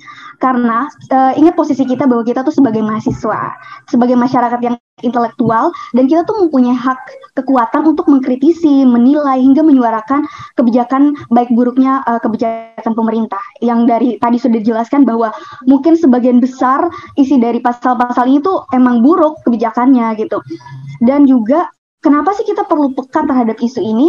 Karena mungkin tadi sudah dijelaskan kan bahwa sangat berpengaruh terhadap uh, ketenaga kerjaan, undang-undang cipta kerja kepada buruh uh, dan juga terhadap lingkungan, tapi sebenarnya dia juga berdampak kepada kita ke depannya. Karena nanti ketika kita berprofesi sebagai dokter gigi, sebenarnya kita juga berprofesi sebagai uh, buruh gitu. Jadi uh, perlu banget nih teman-teman buat kita tuh peka terhadap isu. Jangan cuman fokus banget ke akademik, tapi kita juga harus lihat sosial kita dong. Jangan cuman uh, jangan berpikir bahwa isu-isu seperti ini tuh miliknya teman-teman hukum aja atau miliknya teman-teman fisip aja, tapi ini merupakan hak kita untuk menyuarakan opini gitu. Terus uh, secara substansi uh, Undang-Undang Cipta Kerja ini juga membahas undang-undang uh, pada paragraf 11 ya. Kalau kalian teman-teman lihat entah dari draft 905, pokoknya enam yang perubahan itu ada di paragraf 11 tuh meng, mengemukakan tentang aspek kesehatan, obat dan makanan di mana secara tidak langsung dan mungkin secara substansi pembahasan mengenai aspek kesehatan ini kurang belum dibahas ya. Seja, sejauh yang aku cari sih e, mengenai pembahasan dari ahli hukum maupun ahli kesehatan itu belum banyak mengangkat. Mungkin yang populer tuh seperti yang sudah disebutkan tentang lingkungan, tentang ketenaga kerjaan sudah sering banyak. Uh, nah, untuk karena belum ada dari ahli hukum sendiri dan berdasarkan riset yang aku dapat tuh kebanyakan berdasarkan kajian-kajian kastrat dari teman-teman teman-teman apa universitas lain. Misalnya dari UI dari UGM dan aku sempat cross check juga uh, ternyata itu berkaitan dengan Undang-Undang Nomor 36 uh, yaitu tentang kesehatan, kemudian tentang rumah sakit dan juga tentang pendidikan kedokteran yang mana itu akan berdampak berpotensi untuk berdampak. Karena sudah seperti yang sudah disebutkan bahwa uh, Undang-Undang Cipta Kerja ini membutuhkan aturan turunan yang mana uh, sama seperti kasus di paragraf 11 yaitu tentang aspek kesehatan di mana ada perubahan-perubahan yang membutuhkan aturan tambahan, aturan turunan yang belum diatur. Misalnya di pasal 35 yang sebelumnya di Undang-Undang 36 tahun 2009 tentang kesehatan tuh dia uh, membahas tentang kriteria kualitas fasilitas pelayanan kesehatan yang mana teman-teman kedokteran gigi tahu kan bahwa uh, pelayanan kesehatan tuh penting banget punya kualitas yang baik sehingga pasien tuh bisa dapat uh, kualitas pelayanan yang baik pula gitu. Nah, dalam Undang-Undang Cipta Kerja ini dia tuh dialihkan menjadi peraturan pemerintah yang mana menurut uh, teman-teman Kasrat apabila uh, peraturan pemerintah ini tidak segera dicanangkan akan berdampak berpotensi pengabay potensi pengabaian dari uh, kualitas pelayanan kesehatan itu. Kemudian ada juga uh, apa namanya peraturan pemerintah yang peraturan uh, yang sebelumnya itu dicantumkan diawasi oleh Kementerian Kesehatan yang memang berkompetensi di bidang kesehatan dialihkan menjadi uh, diawasi menjadi pemerintah pusat. Yang mana menurut uh, kita menurut teman-teman Kastra tuh kayak kurang berkompetensi aja di situ. Kayak pemerintah pusat tuh udah punya banyak tanggung jawab. Kalau ditambahkan di situ kayak kurang pas aja gitu. Kemudian uh, tentang klasifikasi rumah sakit di mana uh, dalam perubahan di draft-draft itu tuh kayak kurang mendetail gitu loh. Kayak gitu sih. Jadi uh, sebenarnya bukan cuman dia dia tuh nggak cuman uh, apa seperti yang populer aja mengenai cipta kerja tapi dia secara tidak langsung tuh berdampak terhadap profesi dokter gigi ke depannya. Jadi teman-teman tuh perlu perlu peka terhadap isu ini juga gitu. Kayak gitu sih. Oke baik. Terima kasih pendapatnya Mbak Nadia. Ternyata memberikan dampak yang lumayan ya. Mungkin bukan kepada dokternya ya Mbak. Lebih kepada pasiennya ya terutama yang tadi pengabaian dari kualitas kesehatan, kualitas fasilitas kesehatan yang nantinya diberikan kepada pasien. Oh, ini parah juga ya. Oke, okay. oke. Okay, selanjutnya, uh, selanjutnya karena tadi kita sudah membahas mengenai uh, omnibus law secara basicnya, lalu keuntungan, kerugiannya, lalu dari pandangan teman-teman buruh, dari pandangan uh, dari teman-teman Eva, lalu kita membahas tadi uh, bagaimana sih dari sektor perekonomian, dari sektor lingkungan, lalu sektor kesehatan. Selanjutnya mungkin ini uh, akan diberikan uh, semacam games ya. Ini bukan games tapi lebih kepada menjawab pertanyaan, tapi pertanyaan yang uh, sangat simpel karena ini yang pasti ini pendengarnya uh, umurnya pasti sangat muda ya Mas dari saya ini yang kata-kata mendengar stok ini kan kata-kata uh, mahasiswa yang pengennya tuh simple, pengennya singset cepat selesai gitu. Jadi pengennya dia pengen tahu A jawabannya A. Pengen tahu B jawabannya B gitu. Uh, tadi mungkin sudah dijelaskan tapi ini akan saya tanyakan lagi. Biar lebih mendetail biar lebih sedikit jawabannya lebih disingkat dan biar lebih oh ternyata itu jawabannya. Oke langsung. Uh, yang pertama Apakah benar bahwa teman-teman buruh ini akan diberi upah per jam apabila mengikuti dari aturan Omnibus Law ini? Silakan Mas Danis. Ya, jadi untuk perhitungan upah berdasarkan satuan hasil dan satuan waktu itu secara ketentuan di Undang-Undang 13 tahun 2003 tentang ketenaga kerjaan itu belum diatur. Nah, kemudian di Omnibus Law ini itu kalau saya lihat di pasal 88 dan 89 ada poin 88B itu terkait dengan upah yang ditetapkan berdasarkan satuan waktu dan atau satuan hasil. Nah, ketentuan terkait dengan berdasarkan satuan waktu dan satuan hasil ini itu akan diatur dalam peraturan pemerintah. Nah, ini kita karena ini sebelumnya tidak diatur sesu sesuai Undang-Undang Ketenaga Kerjaan tahun 2013 2003, saya kira ini cukup baik, terutama terkait dengan influencer, kemudian untuk kegiatan-kegiatan yang sifatnya apa ya masih belum ada aturannya tapi yang terpenting dalam upah satuan berdasarkan waktu dan satuan hasil ini adalah sistem hubungan kerjanya ini harus dipastikan Sehingga dari pihak pekerja, pihak buruh itu tidak dieksploitasi. Contoh misalkan dokter gigi, ketika menangani pasien, satu satu satu gigi misalkan, satu gigi dihargai misalkan tiga ratus ribu, ya kan? Tapi ketika dokter gigi ini mengalami kesalahan terkait SOP-nya sudah dijalankan, ternyata ada diagnosa tambahan atau ada kegagalan terkait dengan tindakan, siapa yang bertanggung jawab? Jangan sampai dokter gigi ini sudah dibayar berdasarkan satuan waktu yang cukup murah atau standar, tapi resikonya berlebihan yang harus ditanggung oleh dokter gigi secara pribadi. Nah, ter, itu juga terkait dengan bagaimana informasi teknologi, kemudian pengembangan infrastruktur teknologi yang lain. Nah, ini juga penting karena memang sebelumnya belum ada aturan. Nah, terkait dengan upah satuan waktu dan satuan hasil, ini juga mungkin bisa diberikan ke bisa diterapkan pada para pekerja di industri media kreatif juga itu juga bisa. Tapi yang poin yang harus di di garis bawahi adalah hubungan kerjanya ini harus dipertegas. Jangan sampai tidak ada perlindungan terkait dengan jaminan sosial tenaga kerja. Jaminan sosial ke, tentang apa terkait dengan syarat dan hubungan terkait dengan K3 atau keselamatan terkait dengan melakukan pekerjaannya. Ini juga penting. Saya juga tidak bisa memberikan gambaran secara karena yang saya dengarkan yang dihitung per jam ini pernah disampaikan oleh Bu Ida Fauzia sebagai Menteri Ketenagakerjaan. Tapi coba lakukan penelusuran bagaimana cara menghitung dan sebagainya. Ini kita masih belum memiliki sebuah kajian terkait dengan rencana pemerintah memberikan ter, apa upah berdasarkan satuan waktu dan satuan hasil.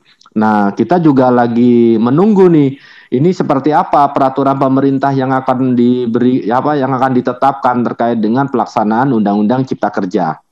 Saya kira itu. Oke, baik. Uh, dari Mas Anya atau Mbak Nadia ada yang mungkin mau menambahkan? Oh, saya saya tidak udah udah benar seperti itu. Udah. Oh, baik, baik. Baik, Mas. Uh, Oke. Okay. Menunggu peraturan pemerintah dan simpang siur dari keselamatan uh, dari pekerja itu sendiri. Mungkin kalau bagi pekerja-pekerja uh, yang di atas awan mungkin tidak terlalu terbebani ya, tapi bagaimana dengan pekerja-pekerja yang seperti buruh-buruh yang mungkin ada di sektor-sektor terbawah itu mungkin akan mengalami dampak yang sangat menyakitkan menurut saya, menurut kita semua ya. Oke, pertanyaan selanjutnya. Apakah benar bahwa upah minimum untuk teman-teman buruh ini akan dihilangkan? Untuk yang tadi upah per jam, sekarang upah minimum. Apakah upah minimumnya akan dihilangkan, Mas? Um, saya jawab ya. Um, silakan, silakan. Oke, okay, um, terkait upah minimumnya, uh, kalau nggak salah tuh tadi saya bacanya tuh di pasal 88C itu merupakan yang sebelumnya di UU Ketenaga Kerjaan yang lama tuh nggak ada. Uh, upah minimumnya sih nggak dihilangkan, um, tetap ada upah minimum berdasarkan uh, upah minimum provinsi namanya yang ditetapkan oleh gubernur dan juga ada upah minimum kabupaten dan kota. Tapi bedanya di dalam yang um, UU, Cipta Kerja ini di Omnibus Law ini ada persyaratan-persyaratan tertentu. Dan um, pasal yang kalau misalnya saya bentar saya baca pasal 88 ayat 4 di UU Ketenagakerjaan yang lama yang menetap yang uh, mengatur bahwa pemerintah menetapkan upah minimum uh, berdasarkan kebutuhan uh, itu harus berdasarkan kebutuhan hidup layak dan dengan memperhatikan produktivitas dan pertumbuhan ekonomi itu masih ada. Jadi kalau misalnya ngomong bahwa upah minimum untuk buruh itu dihilangkan, menurut saya itu tidak benar. Mungkin terkait detailnya lebih lanjut mungkin bisa um, diberikan dari Mas Danis. Mungkin dari itu saja. Terima kasih. Baik, baik terima kasih atas pendapatnya Mas Anya. Dari Mas Danis atau Mbak Nadia mungkin ada yang mau menambahkan? Ya, saya Mas mau menambahkan. Jadi Silakan Mas Danis di Undang-Undang Undang-Undang 13 tahun 2003 itu ada dua ketentuan. Pertama adalah upah minimum berdasarkan wilayah provinsi atau kabupaten kota. Kemudian yang kedua upah minimum berdasarkan sektor pada provinsi atau kabupaten atau kota. Jadi ada dua ketentuan. Nah, di Undang-Undang 13 2003 penentuan yang dimaksud terkait dengan upah minimum provinsi atau upah minimum sektoral kota itu berdasarkan kebutuhan hidup layak. Artinya dari tiga stakeholder, dari pemerintah, kemudian dari akademisi juga terlibat ya. dari serikat pekerja, serikat buruh, kemudian dari asosiasi pengusaha, ini menghitung sesuai dengan KHL atau hidup apa KHL di masing-masing kabupaten kota. Kemudian baru dimusyawarahkan melalui dewan pengupahan yang ada di kabupaten maupun di provinsi.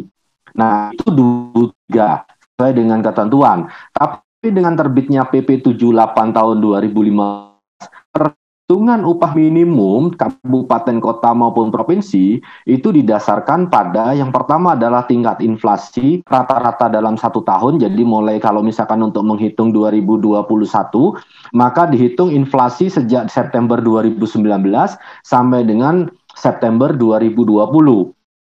Dia ditambah dengan pendapatan domestik bruto. Itu juga sama dihitungnya. Kalau untuk inflasi itu menggunakan data Bank Indonesia, Kemudian untuk perhitungan PDB menggunakan data Badan Pusat Statistik yang digunakan sebagai acuan oleh pemerintah. Nah, artinya setiap tahun kalau tahun lalu itu sekitar pokoknya rata-rata setiap tahun adalah 8 persen. Dan upah minimum kabupaten kota atau upah minimum provinsi ini itu ketentuan standar untuk lajang dengan masa kerja di bawah satu tahun. Tapi yang terjadi sekarang sebelum sebelum ada undang-undang Omnibus Law ini itu sudah terjadi ada mau 20 tahun, mau 21 tahun kenaikan tiap tahun itu berdasarkan upah minimum kabupaten kota yang terbaru. Jadi akan selalu mengikuti. Nah, di Undang-Undang Cipta Kerja, penentuan upah minimum kabupaten kota itu ada perubahan. Jadi kalau upah minimum kabupaten kotanya itu masih ada, Cuman di sini ada perubahan ketentuan dari sebelumnya ketentuan di PP 78. Itu kalau untuk perhitungan inflasi kemudian PDB itu masih sama, tapi di sini ada perubahan terkait dengan kondisi kabupaten kota yang bersangkutan. Nah, ini melebar. Jadi melebar artinya enggak apa ya? sulit untuk ditafsirkan karena kondisi kabupaten kota ini sudut pandangnya dari mana, kriteria atau indikatornya itu apa. Nah, ini juga akan ya, akan sulit. Kemudian terkait yang di Undang-Undang Omnibus Law ini yang tidak ada adalah khusus untuk upah minimum sektoral kabupaten kota dan upah minimum sektoral provinsi. Kenapa ini penting? Karena setiap perusahaan itu memiliki tingkat kemampuan pembayaran upah yang tidak sama. Contoh misalkan rumah sakit yang gede di Surabaya, ya paling besar rumah sakit swasta internasional. Kemudian rumah sakit swasta namun belum sifatnya internasional atau standar daerah ya. Nah, itu mungkin UMK sebagai jaring pengaman minimum tapi bagaimana dengan apa upah minimum yang di rumah sakit level taraf internasional dengan kemampuan perusahaan yang berbeda, kemudian jenis pelanggan atau pasien yang berbeda, pendapatan pun juga berbeda, maka upah minimum sektoral ini penting. Ya kan? Karena kewenangan dan batasannya juga beda. Jangan sampai yang kerja dok di rumah sakit sebagai perawat dengan segala resikonya cukup tinggi, upahnya sama dengan maaf ya kasih di marmat yang ada. Ya kan? Marmat yang ada. Karena marmat yang ada ambillah 4 juta. Kemudian yang di rumah sakit level internasional internasional 4 juta juga. Terus bedanya apa? Nah, ini akan mengganggu sistem pendidikan yang ada di Indonesia. Orang tua akan berpikir ngapain saya sekolah jauh-jauh saya sekolahkan anak saya besar-besar toh juga upahnya sama dengan lulusan SMA iya kan Nah ini kan penting. Jadi ketika upah minimum sektoral, sektor medis misalkan, saya di sektor perbankan, akan berbeda, minimumnya akan berbeda. Nah, ini ini penting karena upah minimum sektoral itu tidak dihitung. Contoh misalkan perbankan. Perbankan itu kalau hitungan hitungan upah minimumnya sama dengan upah minimum kabupaten kota, ya maaf aja. Perbankan itu secara lifestyle bagaimana mau pakai bedak merek FIFA? Nggak mungkin mau, iya kan? Karena mereka pasti pakai bedak, ya bedak yang klasifikasinya lebih tinggi. Karena yang ditemui juga sektor ekonomi yang berbeda dalam kita melakukan sebuah pelayanan terhadap masyarakat. Nah, kalau misalkan upah juga sama dengan sektor-sektor yang lain, dengan kemampuan perusahaan yang berbeda-beda, perusahaan itu kecenderungannya mau perusahaan multinasional asing atau nasional apa perusahaan dengan modal nasional sendiri, ketika ada kebijakan yang terendah, itu yang digunakan adalah yang terendah. Nggak ada kebijakan itu kalau misalkan mana yang tertinggi itu tidak ada. Diskon itu ketika kecuali diskon ke cela, apa celana ya yang dipakai adalah misalkan dua beli satu maka yang dipakai harga tertinggi. Nah ini kalau ini berbeda yang dipakai harga terendah seperti itu. Karena pasti perusahaan itu akan compile dengan peraturan perundang-undangan khususnya terkait dengan ketenaga kerjaan. Baik, terima kasih Mas Danis. Dari sini mungkin teman-teman pendengar bisa menilai sendiri ya. Mungkin memang memang tidak dihilangkan upah minimumnya tapi diganti dan penggantian upah minimumnya ini, program atau undang-undangnya atau peraturan ini yang akan menyebabkan ketidakadilan bagi teman-teman buruh kita. Ingat, buruh itu bukan cuma orang yang bekerja memintal kaos kaki di pabrik, tapi juga seperti dokter yang bekerja di rumah sakit atau teman-teman uh, yang bekerja di sektor perbankan itu juga termasuk buruh ya. Jadi yang mendengarkan mohon untuk tidak apatis dengan hal ini. Kita lanjut ke Pertanyaan selanjutnya. Apakah benar Omnibus Law ini akan membebaskan kontrak kerja di semua jenis pekerjaan? Ada yang mau berpendapat mungkin? Mungkin berkaitan dengan PKWT, Mas Danis lebih itu kali ya. ya oh, okay. Kontrak berlangsung ya. selamanya itu, Mas. Pasal 59 Sorry, saya, mungkin. Saya baru mute ini soalnya. ya. Jadi di pasal 59 jadi kalau di sebelumnya itu kan per, apa untuk klasifikasi terkait dengan PKWT kalau misalkan kawan-kawan sulit mengistilahkan PKWT karyawan kontrak lah atau pekerja kontrak atau buruh kontrak gampangannya seperti itu ya. Jadi kalau PKWT itu sebenarnya kan dibuat sesuai dengan jenis dan sifat kegiatannya yang hanya selesai dalam waktu tertentu. Ya kan? Atau sifatnya sementara, bersifat musiman, memasarkan produk-produk baru. Misalkan produk-produk ini masih belum apa ya? Masih belum bisa dilakukan secara uji market ya, uji market belum settle itu bisa atau kegiatan-kegiatan yang sifatnya itu program penjajakan.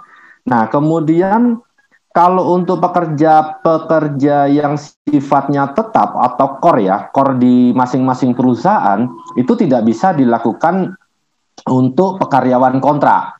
Ya, tapi untuk probability apa probation, probation ya, sorry, probation atau masa percobaan itu tiga bulan, itu wajar. Jadi tiga bulan masa masa percobaan, kemudian tiga bulan lebih satu hari, maka dia demi hukum beralih menjadi PKWTT atau pekerja atau karyawan atau pegawai pegawai tetap.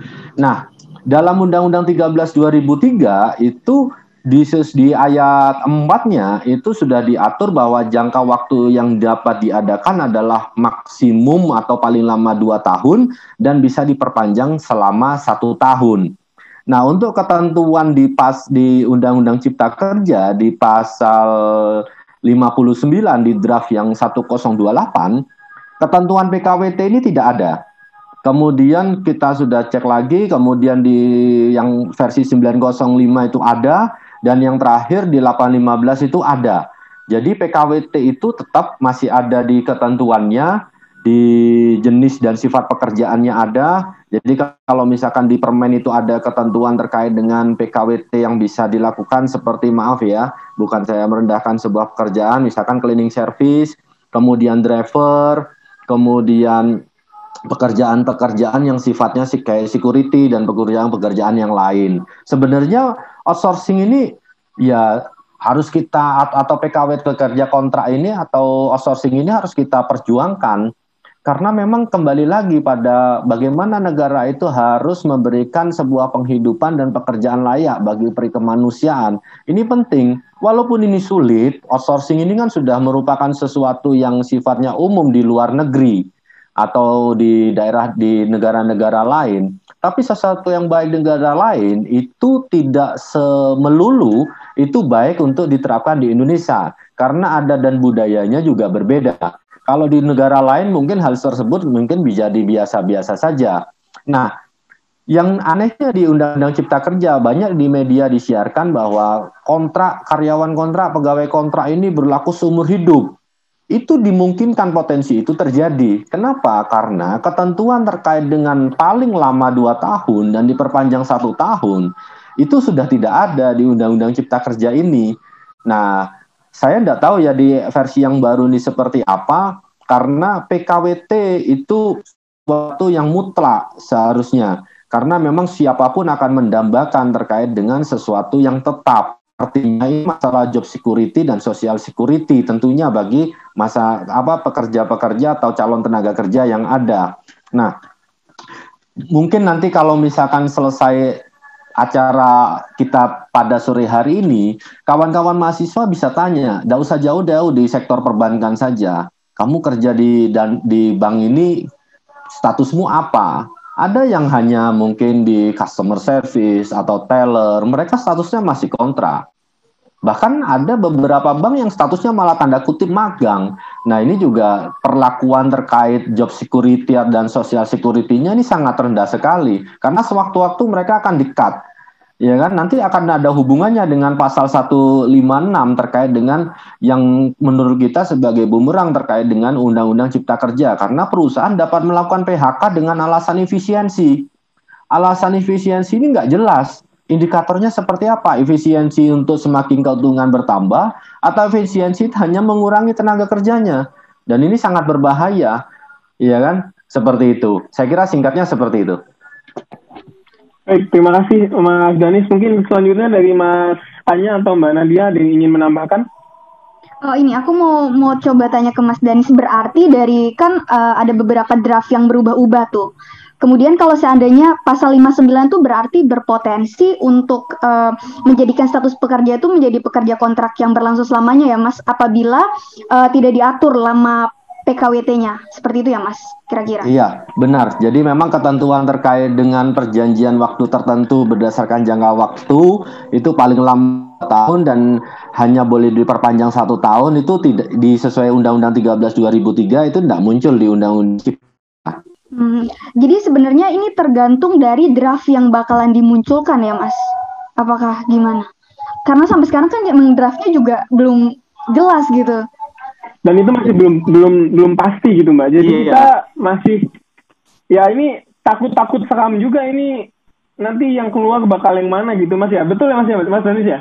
Iya, jadi memang ini sesuatu yang menurut kita masih gambling ya. Kita mau berbicara terkait dengan ketentuan ini kita bilang A, nanti justru kita muncul draft lagi akan berubah-ubah. Ini juga mungkin ini sebagai antisipasi untuk calon tenaga kerja bahwa sesuatu hal yang seperti ini seakan-akan menjadi umum perubahan-perubahan kebijakan seharusnya terkait dengan standar security atau standar minimum kesejahteraan untuk warga negara Indonesia itu setiap tahun seharusnya semakin meningkat. Itu sesuai dengan yang tujuan negara yang ada di pembukaan Undang-Undang Dasar Republik Indonesia untuk peningkatan kesejahteraan. Tapi kalau misalkan kesejahteraan yang sudah sebelumnya didapat, normanya itu kan seharusnya tidak boleh dikurangi kalau ditambah boleh, diperbaiki boleh, turun jangan, kan seperti itu. Baik, terima kasih atas pendapatnya Mas Dani. Selanjutnya Mas Anya, ada yang ingin ditambahkan sebelum kita lanjut ke pertanyaan terakhir? Um, kalau dari saya tidak ada, mungkin um, mungkin lebih ke bertanya sih aku ke Mas Dani se sebelumnya. Um, soalnya kan tadi kan saya kan ketika Mas Dani ngomong, saya kan baca-baca um, di terkait undang-undang yang baru yang di draft yang baru. Saya kan masih terkait PKWT ini kan masih agak kayak masih agak bingung gitu lah, masih agak ngawang gitu. Um, di dalam pasal 81 angka 15 yang mengubah pasal 59 tadi di ayat 2-nya itu dijelaskan bahwa perjanjian kerja untuk waktu tertentu tidak dapat diadakan untuk pekerjaan yang bersifat tetap. Itu um, apakah itu juga berlaku apakah itu juga menguntungkan pekerja atau itu justru utama merugikan atau seperti apa? Mungkin uh, mohon pencerahannya dari dari Mas Daniel sekian. Jadi yang di, di Undang-Undang Cipta Kerja terkait dengan pekerjaan-pekerjaan tetap itu tidak bisa digunakan untuk diterapkan untuk PKWT itu benar. Dan ini sangat bagus sekali untuk kepastian. Karena pekerjaan-pekerjaan yang sifatnya tetap kalau diperbankan itu adalah teller, customer service, kemudian ya yang lain-lain. Kalau di rumah sakit itu perawat, kemudian bidan, dokter itu pekerjaan-pekerjaan tetap. Artinya pekerjaan tetap itu kalau misalkan tidak ada yang bersangkutan, maka operasional rumah sakit, perbankan ini tidak dapat berjalan. Jadi konteksnya seperti itu. Berbeda dengan ketika cleaning service, ya kan? Cleaning service ini bisa digunakan sebagai PKWT. Ketika cleaning service ini tidak masuk kerja karena sakit, bank ini masih bisa berjalan sebagaimana mestinya karena bukan core dia. Jadi memang konten dalam dalam PKWTT, jadi ada PKWT itu adalah kontrak, PKWTT itu adalah pekerja atau pegawai tetap. Nah, untuk yang PKWTT ini eh sorry yang PKWT seharusnya yang sekarang berjalan saat ini perusahaan-perusahaan itu ketika melakukan kontrak dengan para tenaga kerja atau kerja atau buruhnya PKWT ini harus dicatatkan masing-masing di Dinas Tenaga Kerja Kabupaten Kota. Iya kan? Nah, sekarang itu kenapa apa pemerintah itu tidak pernah membuka atau kurang juga membuka berapa jumlah karyawan kontrak yang ada di Indonesia? Karena memang tidak ada laporannya. Kalau untuk di Jawa Timur sekarang sudah mulai dirubah metodenya menggunakan sistem siwalan di mana setiap perusahaan bisa melakukan laporan ketenaga kerjaan secara online berapa upahnya, kemudian maksimum lemburnya berapa. Karena negara itu seharusnya memang melindungi rakyatnya supaya mendapatkan perlindungan terkait dengan melaksanakan pekerjaannya. Yang kedua, mendapatkan upah atau tingkat kesejahteraan sesuai dengan apa yang diberikan. Konteksnya kan seperti itu. Jangan sampai perusahaan itu mendapatkan atau pengusaha itu mendapatkan keuntungan sebesar-besarnya, tapi orang-orang pekerja, para buruh yang menunjang, yang melakukan pekerjaan ini hanya mendapatkan di standar minimum dan itu pun juga akan dikurangi. Saya pernah melakukan sebuah laporan kepada pemerintah daerah di Jawa Timur melalui Dinas Tenaga Kerja, di mana di perusahaan saya itu ada sekitar 937 pekerja yang statusnya itu kontrak. Maka kita lakukan pemberian bukti-bukti, kemudian muncul nota di mana nota itu berisi bahwa secara sifat dan jenis pekerjaan 937 karyawan bank ini itu demi hukum beralih menjadi PKWTT. Artinya ketika memang perusahaan itu tidak mau atau mengangkat pegawai tetap, maka itu harus dijalankan sekaligus dan itu karena demi hukum frasanya. Nah, kawan-kawan kalau misalkan, oh saya tidak mau, saya mau berhenti aja kerja, maka dia akan mendapatkan perlakuan pesangon seperti halnya pegawai tetap yang ada. Seperti itu. Baik, terima kasih atas penjelasannya Mas Dani. Semoga Mas Anya dan saya, termasuk Mbak Nadia dan teman-teman sekalian eh, paham ya. Ini sangat-sangat menyenangkan menurut saya. Oke, selanjutnya untuk pertanyaan terakhir. Apakah dalam omnibus law ini ada yang disebut dengan denda keterlambatan dan keterlambatan dalam hal apa ini mas? Mungkin dari Mas Anya atau Mas Dani silakan. Um, saya pendek aja terkait denda keterlambatan. Tadi saya sempat uh, membaca-baca terkait um, apakah ada denda keterlambatan di UU Cipta Kerja. Kalau ini sependek pengetahuan saya dan mohon dikoreksi dari Mas Dani apabila saya kesalahan, saya tidak menemukan bahwa ada fase tidak keterlambatan di ulama pun setahu saya tidak ada dan di dalam UU Cipta Kerja pun di draft yang 815 yang saya baca itu juga tidak mengatur apa-apa soal denda keterlambatan. Mungkin itu dari saya. Uh, mungkin dari Mas Denis mungkin bisa ditambahkan atau koreksi. Terima kasih. Baik, terima kasih Mas Anya. Silakan Mas Danis berpendapat. Mungkin silakan. Saya sama sama dengan masanya tadi. Jadi di Undang-Undang Cipta Kerja itu tidak ada denda keterlambatan. Ada denda keterlambatan itu terkait dengan bagaimana pendataan atau update data terkait dengan pekerja migran.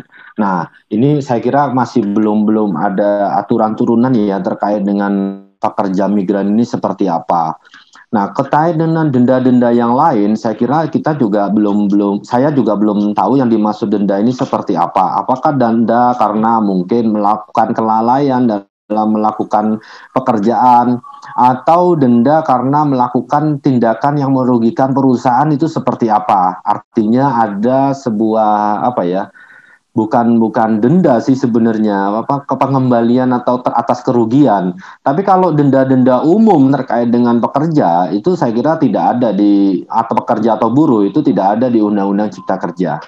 Oke, baik terima kasih atas penjelasannya Mas Denis. Mbak Nadia mau menambahkan mungkin?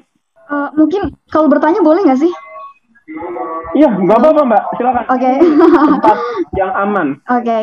jadi uh, kalau aku simpulin sih, dan sepengetahuanku dampak terhadap tenaga kerja tuh yang mungkin tadi udah disebutin, kayak pasal 59, potensi untuk kontrak berlangsung lama, kemudian uh, yang yang udah dibahas ya, perubahan dasar perubahan uh, penetapan UMR, kemudian perubahan penetapan batas paling sedikit pesangon, terus yang salah satu yang belum kebahas mungkin uh, ter terkait ini Mas, terbukanya potensi PHK dari pasal 154A ayat 1 yang mana dengan alasan melakukan efisiensi. Itu benar nggak sih Mas terkait potensi PHK yang besar-besaran itu di pasal 154A ayat 1? Iya.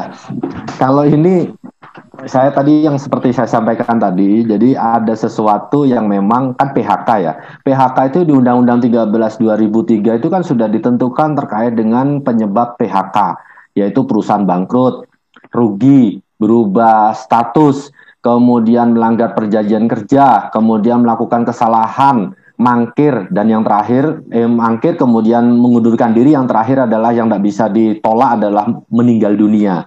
Jadi kan sifat sifat apa jenis-jenis PHK seperti itu. Nah, kemudian di Undang-Undang Cipta Kerja itu lebih detail dan lebih panjang. Jadi misalkan melakukan pengabungan, peleburan, pengambil alihan dan sebagainya. Kemudian tutup karena perusahaan melakukan lugurian itu masih normatif ya, umum karena masih sama.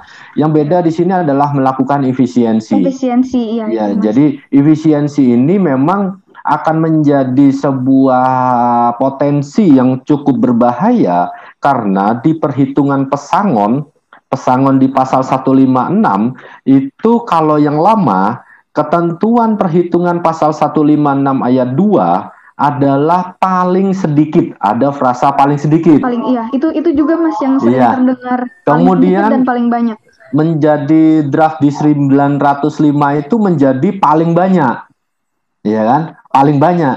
Nah, kemudian di draft yang di 815 kata itu tidak ada. Paling sedikit kalau paling banyak itu tidak ada. Jadi tidak ada efek apa ya? Bukan bukan efek ya. Penekanan terkait berapa yang harus diberikan. Nah, ketika efisiensi, misalkan saya memiliki rumah sakit saat ini sebagai pengusaha rumah sakit. Saya bilang pada saya kumpulkan di semua para medis yang ada. Saya bilang perusahaan sedang melakukan efisiensi. Nah, dampaknya sebagai para para medis yang ada di rumah sakit ini berpikir, Loh kalau perusahaan ini rugi, di Undang-Undang Cipta Kerja tidak ada batas minimum. Berarti kan akan saya diberi pesangon sesuai dengan kemampuan perusahaan. Pasti perusahaan akan memberikan pemaparan toh tentang dengan minimum. Dia dua dua tahun dari nilai atau pendapatan yang dibukukan secara bersih. Itu pasti akan dijelaskan. Jadi kebiasaan pengusaha kita itu kalau ke media dia akan selalu berbicara terkait, wah ini keuntungan saya segini segini segini. Tapi kalau kepada internal, terutama para pekerja buruh, maaf ya, perusahaan sekarang lagi lesu, kondisi ekonomi sedang ini, jadi tidak ada kenaikan kesejahteraan, benefit yang sebagainya. Nah ini akan berbanding terbalik dan ini menjadi jamak. Hampir semua perusahaan seperti itu, artinya kita disuruh menerima kondisi itu. Dan kita sebagai tadi kembali ke investasi terkait dengan penyerapan tenaga kerja kita ini nggak ada pilihan. Take it or leave it gitu loh. Karena prinsipnya dalam omnibus law ini kan isi isi hire isi fire. Artinya mudah rekrut ya mudah juga dia harus dikeluarkan tanpa tanda kutip seperti apa-apa ya kan? Nggak ada pilihan untuk tenaga kerja sekarang karena memang jumlah lapangan kerjanya yang terbatas dan kita hanya ada pilihan ya mau diambil atau kita mau nggak ambil itu aja sih. Baik, terima kasih atas tambahannya Mas Danis dan Mbak Nadia. Ini semakin memberikan uh, info kepada kita bahwa terutama yang saya garis bawah itu tentang efisiensi dan jumlah pesangon yang tidak pasti ya itu bisa menjadi uh, tolak ukur tambahan bagi para pendengar uh, mengenai sebenarnya omnibus law ini buruk atau tidak dan apakah saya pantas untuk turun ke jalan untuk mendukung atau tidak mendukung gerakan menolak omnibus law. Selanjutnya saya ingin bertanya kepada Mas Anya dan Mbak Nadia sebagai dari sudut pandang mahasiswa, bagaimana caranya agar kita tentunya sebagai masyarakat Indonesia khususnya mahasiswa dapat mendukung aksi ini tanpa harus turun ke jalan. Karena satu dua hal, misal seperti mahasiswa FKG Unair contohnya yang tidak bisa turun ke jalan dikarenakan jadwal kuliah dan praktikum yang sangat padat. Jujur, banyak uh, kolega-kolega dan teman-teman saya ingin turun tapi tidak bisa karena ada praktikum. Kalau tidak ikut praktikum satu pertemuan, maka harus mengulang tahun depannya. Itu seperti itu masalahnya gitu ya. Sehingga tidak memungkinkan gitu kan untuk turun ke jalan. Silakan mungkin dari Mas Anya atau Mbak Nadia yang dari FKG UNER sendiri ada pendapat gitu. Silakan Mbak Nadia. Okay uh, kalau menurutku ya jangan sampai hal-hal itu apa alasan-alasan yang tadi praktikum ataupun jadwal yang padat mengenai kuliah lantas menyurutkan semangat kita untuk tidak peduli terhadap uh, sosial kita, lingkungan kita gitu. Karena yang seperti aku sebutin tadi bahwa uh, ini tuh berdampak ke kita gitu, bukan hanya sekarang tapi juga nanti.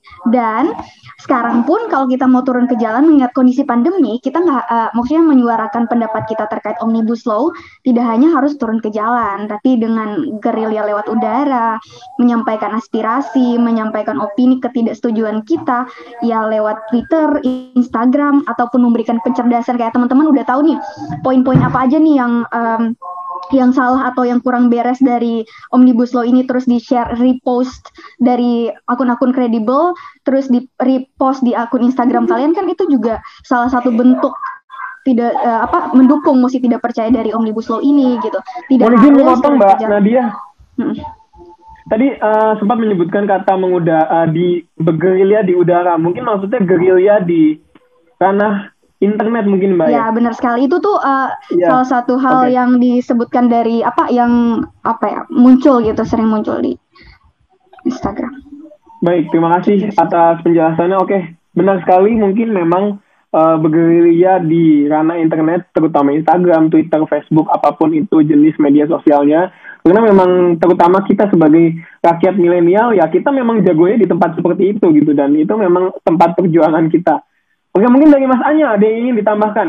Um, terkait um, apa namanya itu benar tadi di saya saya setuju dengan yang dibicarakan sama Mbak Nadia bahwa um, kita harus sebagai mahasiswa kan kita kan tidak boleh kan lupa dengan um, studi kita apalagi kalau misalnya dengan kawan-kawan di FKG sampai tidak sam, jangan sampai karena kita turun ke jalan kita tidak sampai ikut tidak ikut praktikum seperti itu um, um, kurang lebih ya saya ya pentingnya edukasi diri itu uh, sangat penting dan mengedukasi orang lain. Uh, karena kan kita kan uh, tidak pantas ya kalau misalnya kita masih pengetahuan kita terkait omnibus law atau apa pun itu masih dangkal dan kita berbicara soal itu kan apa ya um, kalau bahasanya kan nggak afdol kan nggak baik kan kayak gitu kan. Jadi ya um, kita kalau misalnya untuk kawan-kawan terkait apa pun jurusannya apa itu FKG atau FK atau fisik ya kita harus lebih banyak edukasi edukasi diri terkait apa yang sedang terjadi di negara kita sendiri. Karena mengingat bahwa dampaknya itu um, cepat atau lambat dampaknya itu akan ke kita gitu sebagai ma ma warga negara Indonesia. Apabila kita selesai mengedukasi diri apa yang kita lakukan ya kita melakukan apa yang um, kita bisa lakukan untuk mengedukasi orang lain yaitu lewat sosmed atau um, mengikuti webinar atau seperti apa menanyakan pertanyaan. Itu kan um, dengan sosial media ini semuanya kan bisa menjadi lebih mudah terkait terkait bagaimana kita mendapatkan informasi dan bagaimana kita menyampaikan informasi. Mungkin itu edukasi diri yang sangat yang mumpuni oh, uh, sepaham kita secara dan kita ucapkan sepaham kita. Itu mungkin. Terima kasih. Baik terima kasih uh, penjelasannya uh, Mas Anya dan Mas uh, Mbak Nadia. Mungkin dari Mas Danis ada yang ingin disampaikan terutama ya. kepada teman-teman mahasiswa atau masyarakat Indonesia secara umum? Saya setidaknya saya ada tiga ya Tadi sempat disinggung sama Mbak Nadia terkait dengan sama Mas Tarik tadi di awal juga terkait dengan di media sosial ya. Tadi Mas Tarik itu menyampaikan bahwa terkait dengan tagar mosi tidak percaya yang lagi viral ya dalam beberapa dua pekan terakhir ini. Nah memang media sosial ini memiliki jangkauan yang cukup luas ya, cukup luas terutama bantuan dari kawan-kawan mahasiswa dan saya sebagai buruh itu sangat memberikan apresiasi setinggi-tingginya sehormat-hormatnya kepada para mahasiswa di seluruh Indonesia dan masyarakat umum karena tagar mosi tidak percaya ini jauh lebih besar daripada tagar reformasi di korupsi. Saya memiliki sebuah analisa digital terkait dengan tagar pro dan kontra omnibus law. di mana untuk jangkauan untuk yang masih tidak percaya itu sekitar 500 eh 259 juta. Sedangkan yang pro itu sekitar 3,6 juta. Nah, itu rinciannya rinciannya adalah 1196 jutanya itu menggunakan Twitter, 63 juta menggunakan Instagram dan ini yang lagi ngetren baru adalah 5,4 juta menggunakan TikTok dari analisa yang kita buat dengan kawan-kawan jaringan aliansi nasional seluruh Indonesia di mana mahasiswa terlibat di dalamnya, sekitar 2.255 juta komentar itu ada di Twitter dan 77.729 itu ada di Instagram. Instra jadi like belum ini belum termasuk like dan share-nya ya. Like dan share-nya itu 4,9 juta. Itu yang pertama. Jadi ini memang benar-benar luar biasa antara yang tagar pro dan kontra ini jauh melampaui tagar yang kontra. Jadi yang apa tagar yang pro. Jadi yang kontra ini jauh melampaui dan tidak mungkin terkejar dengan dengan tagar-tagar seperti tagar tolak demo langgar prokes prokes taati prokes hindari kerumunan kemudian stop demo ayo ke MK dan sebagainya jadi kita juga memiliki sebuah bahkan kita melakukan analisa mana tagar yang sekiranya itu tidak bisa digunakan ketika secara algoritma itu tidak mumpuni untuk menjadi viral atau di retweet oleh perhitungannya oleh kawan-kawan. Kemudian yang kedua adalah yang perlu ditekankan kepada mahasiswa bisa melakukan sebuah ya seperti ini ya diskusi-diskusi online, kemudian melakukan rapat-rapat atau analisa, tapi dengan independensi mahasiswa. Jadi itu harus dijaga, jangan sampai oh ini pro elit, ini ini jangan. Jadi memang mahasiswa itu harus sesuai dengan kitoh kalau bahasa saya itu kitoh mahasiswa itu harus tetap dijaga, tidak boleh goyang dan itu tidak boleh terpengaruh. Jadi independensinya itu memang mahasiswa ini adalah agent of change. Jadi itu harus itu sudah dari zaman ayah saya itu sudah menekankan bolak-balik kepada saya. Mungkin saya bisa share sama kawan-kawan bahwa mahasiswa ini adalah generasi yang memang didambakan oleh negara untuk memimpin negara ini. Jadi kawan-kawan bisa bisa lakukan itu. Dan yang ketiga, bagi kawan-kawan mahasiswa yang mau masuk ke ranah atau lapangan kerja, atau saat ini mungkin dari pendengar itu sudah bekerja di perusahaan yang mungkin masih baru lulus, maka jangan memiliki stigma negatif terkait dengan serikat buruh. Ya, itu penting. Kenapa? Dalam peraturan ketenaga kerjaan yang diatur adalah standar minimum. Bagaimana untuk mendapatkan hak normatif di atas standar minimum? maka kawan-kawan mahasiswa bisa turut mengikuti organisasi melalui serikat pekerja atau serikat buruh di masing-masing tingkat perusahaan.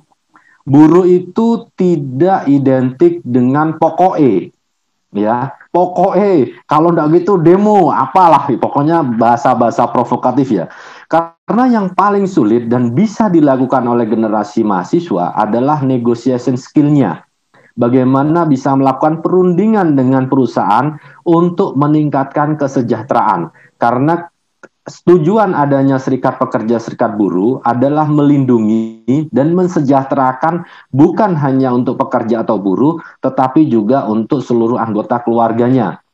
Dari perja dengan melakukan mengikuti organisasi serikat pekerja serikat buruh, maka kawan-kawan bisa melakukan perundingan dan itu tentunya di atas normatif. Contoh misalkan saya di Danamon. Kalau misalkan secara ketentuan perundang-undangan, THR itu hanya diberikan pada saat Idul Fitri. Namun, serikat pekerja tetap mengupayakan dan melakukan perundingan secara ketentuan perundang-undangan ya tentunya ya perundingannya harus sesuai ketentuan undang-undangan. Maka di perusahaan saya, di perusahaan tempat saya bekerja bukan perusahaan saya ya. Jadi ada THR untuk Natal cuti normatif di ketentuan undang-undang adalah 12 hari. Di tempat saya minimum paling jabatan paling rendah adalah 15 hari. Belum lagi bagaimana ada ruang laktasi sesuai dengan peraturan Menteri Kesehatan. Kemudian bagaimana ada jam waktu dua jam untuk melakukan seorang orang seorang perempuan untuk memberikan ASI kepada anaknya. Ini penting.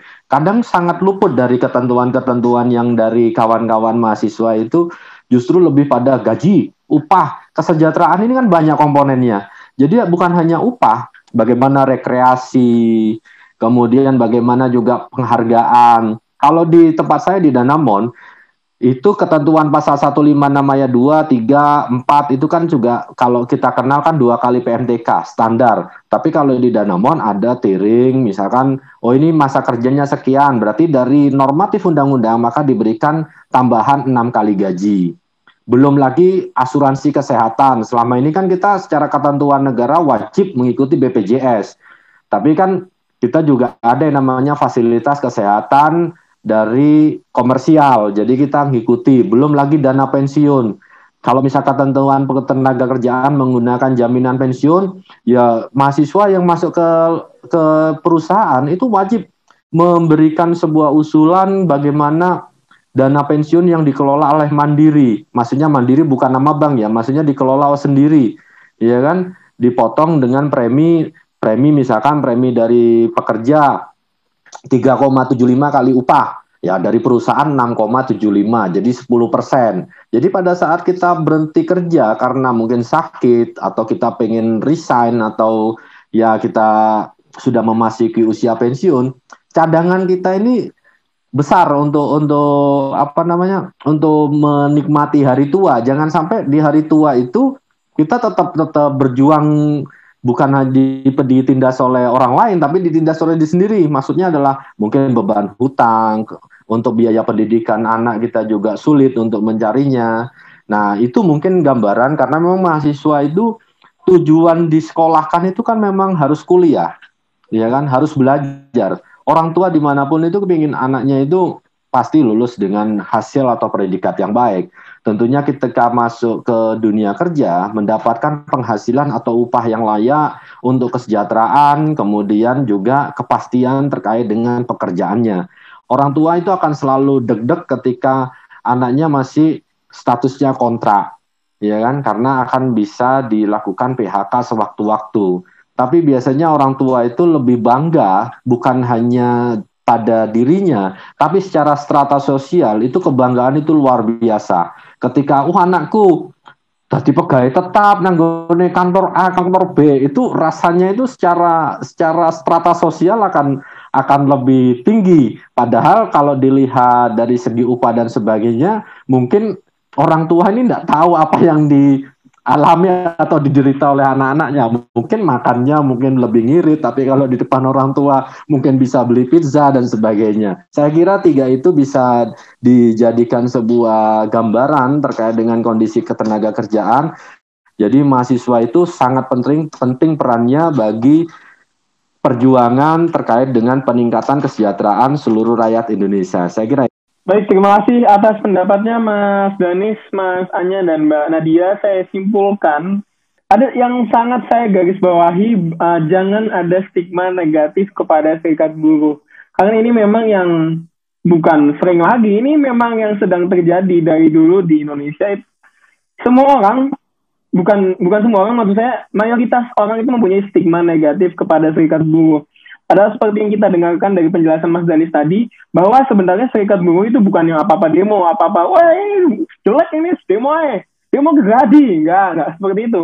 Serikat buruh itu justru yang memperjuangkan kesejahteraan buruh. Kesejahteraan itu bukan hanya gaji saja Mas Danis tadi ya, tapi juga seperti kesehatannya, eh, kesehatan mentalnya, kesehatan jasmani, rohaninya, mungkin diberikan kesempatan ibadah atau diberikan uh, eh, THR saat sedang mengalami hari besar keagamaannya itu kan mungkin juga sangat penting. Lalu juga uh, pentingnya keikutsertaan mahasiswa dalam ikut bukan masuk bukan meramaikan tapi ikut uh, andil dalam uh, memberikan efek dampak kepada masalah-masalah uh, politik Indonesia maksudnya dalam hal membenarkan gitu ya. Terus juga tadi yang uh, tagar atau hashtag masih tidak percaya itu saya baru tahu dari Mas Danis bahwa ternyata memang jangkauannya seluas itu itu berjuta-juta berarti kan bisa saja satu orang beberapa akun itu mungkin saja berarti ya dan ini mematahkan bahwa mematahkan pendapat seseorang pendapat beberapa organisasi yang mengatakan bahwa mayoritas orang Indonesia itu pro dengan omnibus law Tidak, faktanya di lapangan ini dari ranah internet saja itu berjuta-juta ya. Tadi yang saya catat itu salah satu angkanya 250 juta. Ini angka yang sangat besar bagi negara seperti kita negara Kesatuan Republik Indonesia ini. Lalu tadi pentingnya gerilya di internet dan pentingnya edukasi diri. Karena kalau kalian koar-koar di internet kalau kita koar-koar di internet oh omnibus law gini omnibus law gitu tapi tidak mengedukasi diri lalu nanti kita ketika ditanya diam saja tidak tahu saya cuma ikut-ikutan sama saja bohong. Nanti kita kalah, kalah malah sama elit-elit yang di atas oke kita sudah masuk ke segmen terakhir. Terima kasih atas waktunya terima kasih atas informasinya. Sangat seru sangat menyenangkan semoga berkah. Uh, saya ucapkan puji syukur ya kepada negara kepada Tuhan. Kita bisa berkumpul di sini.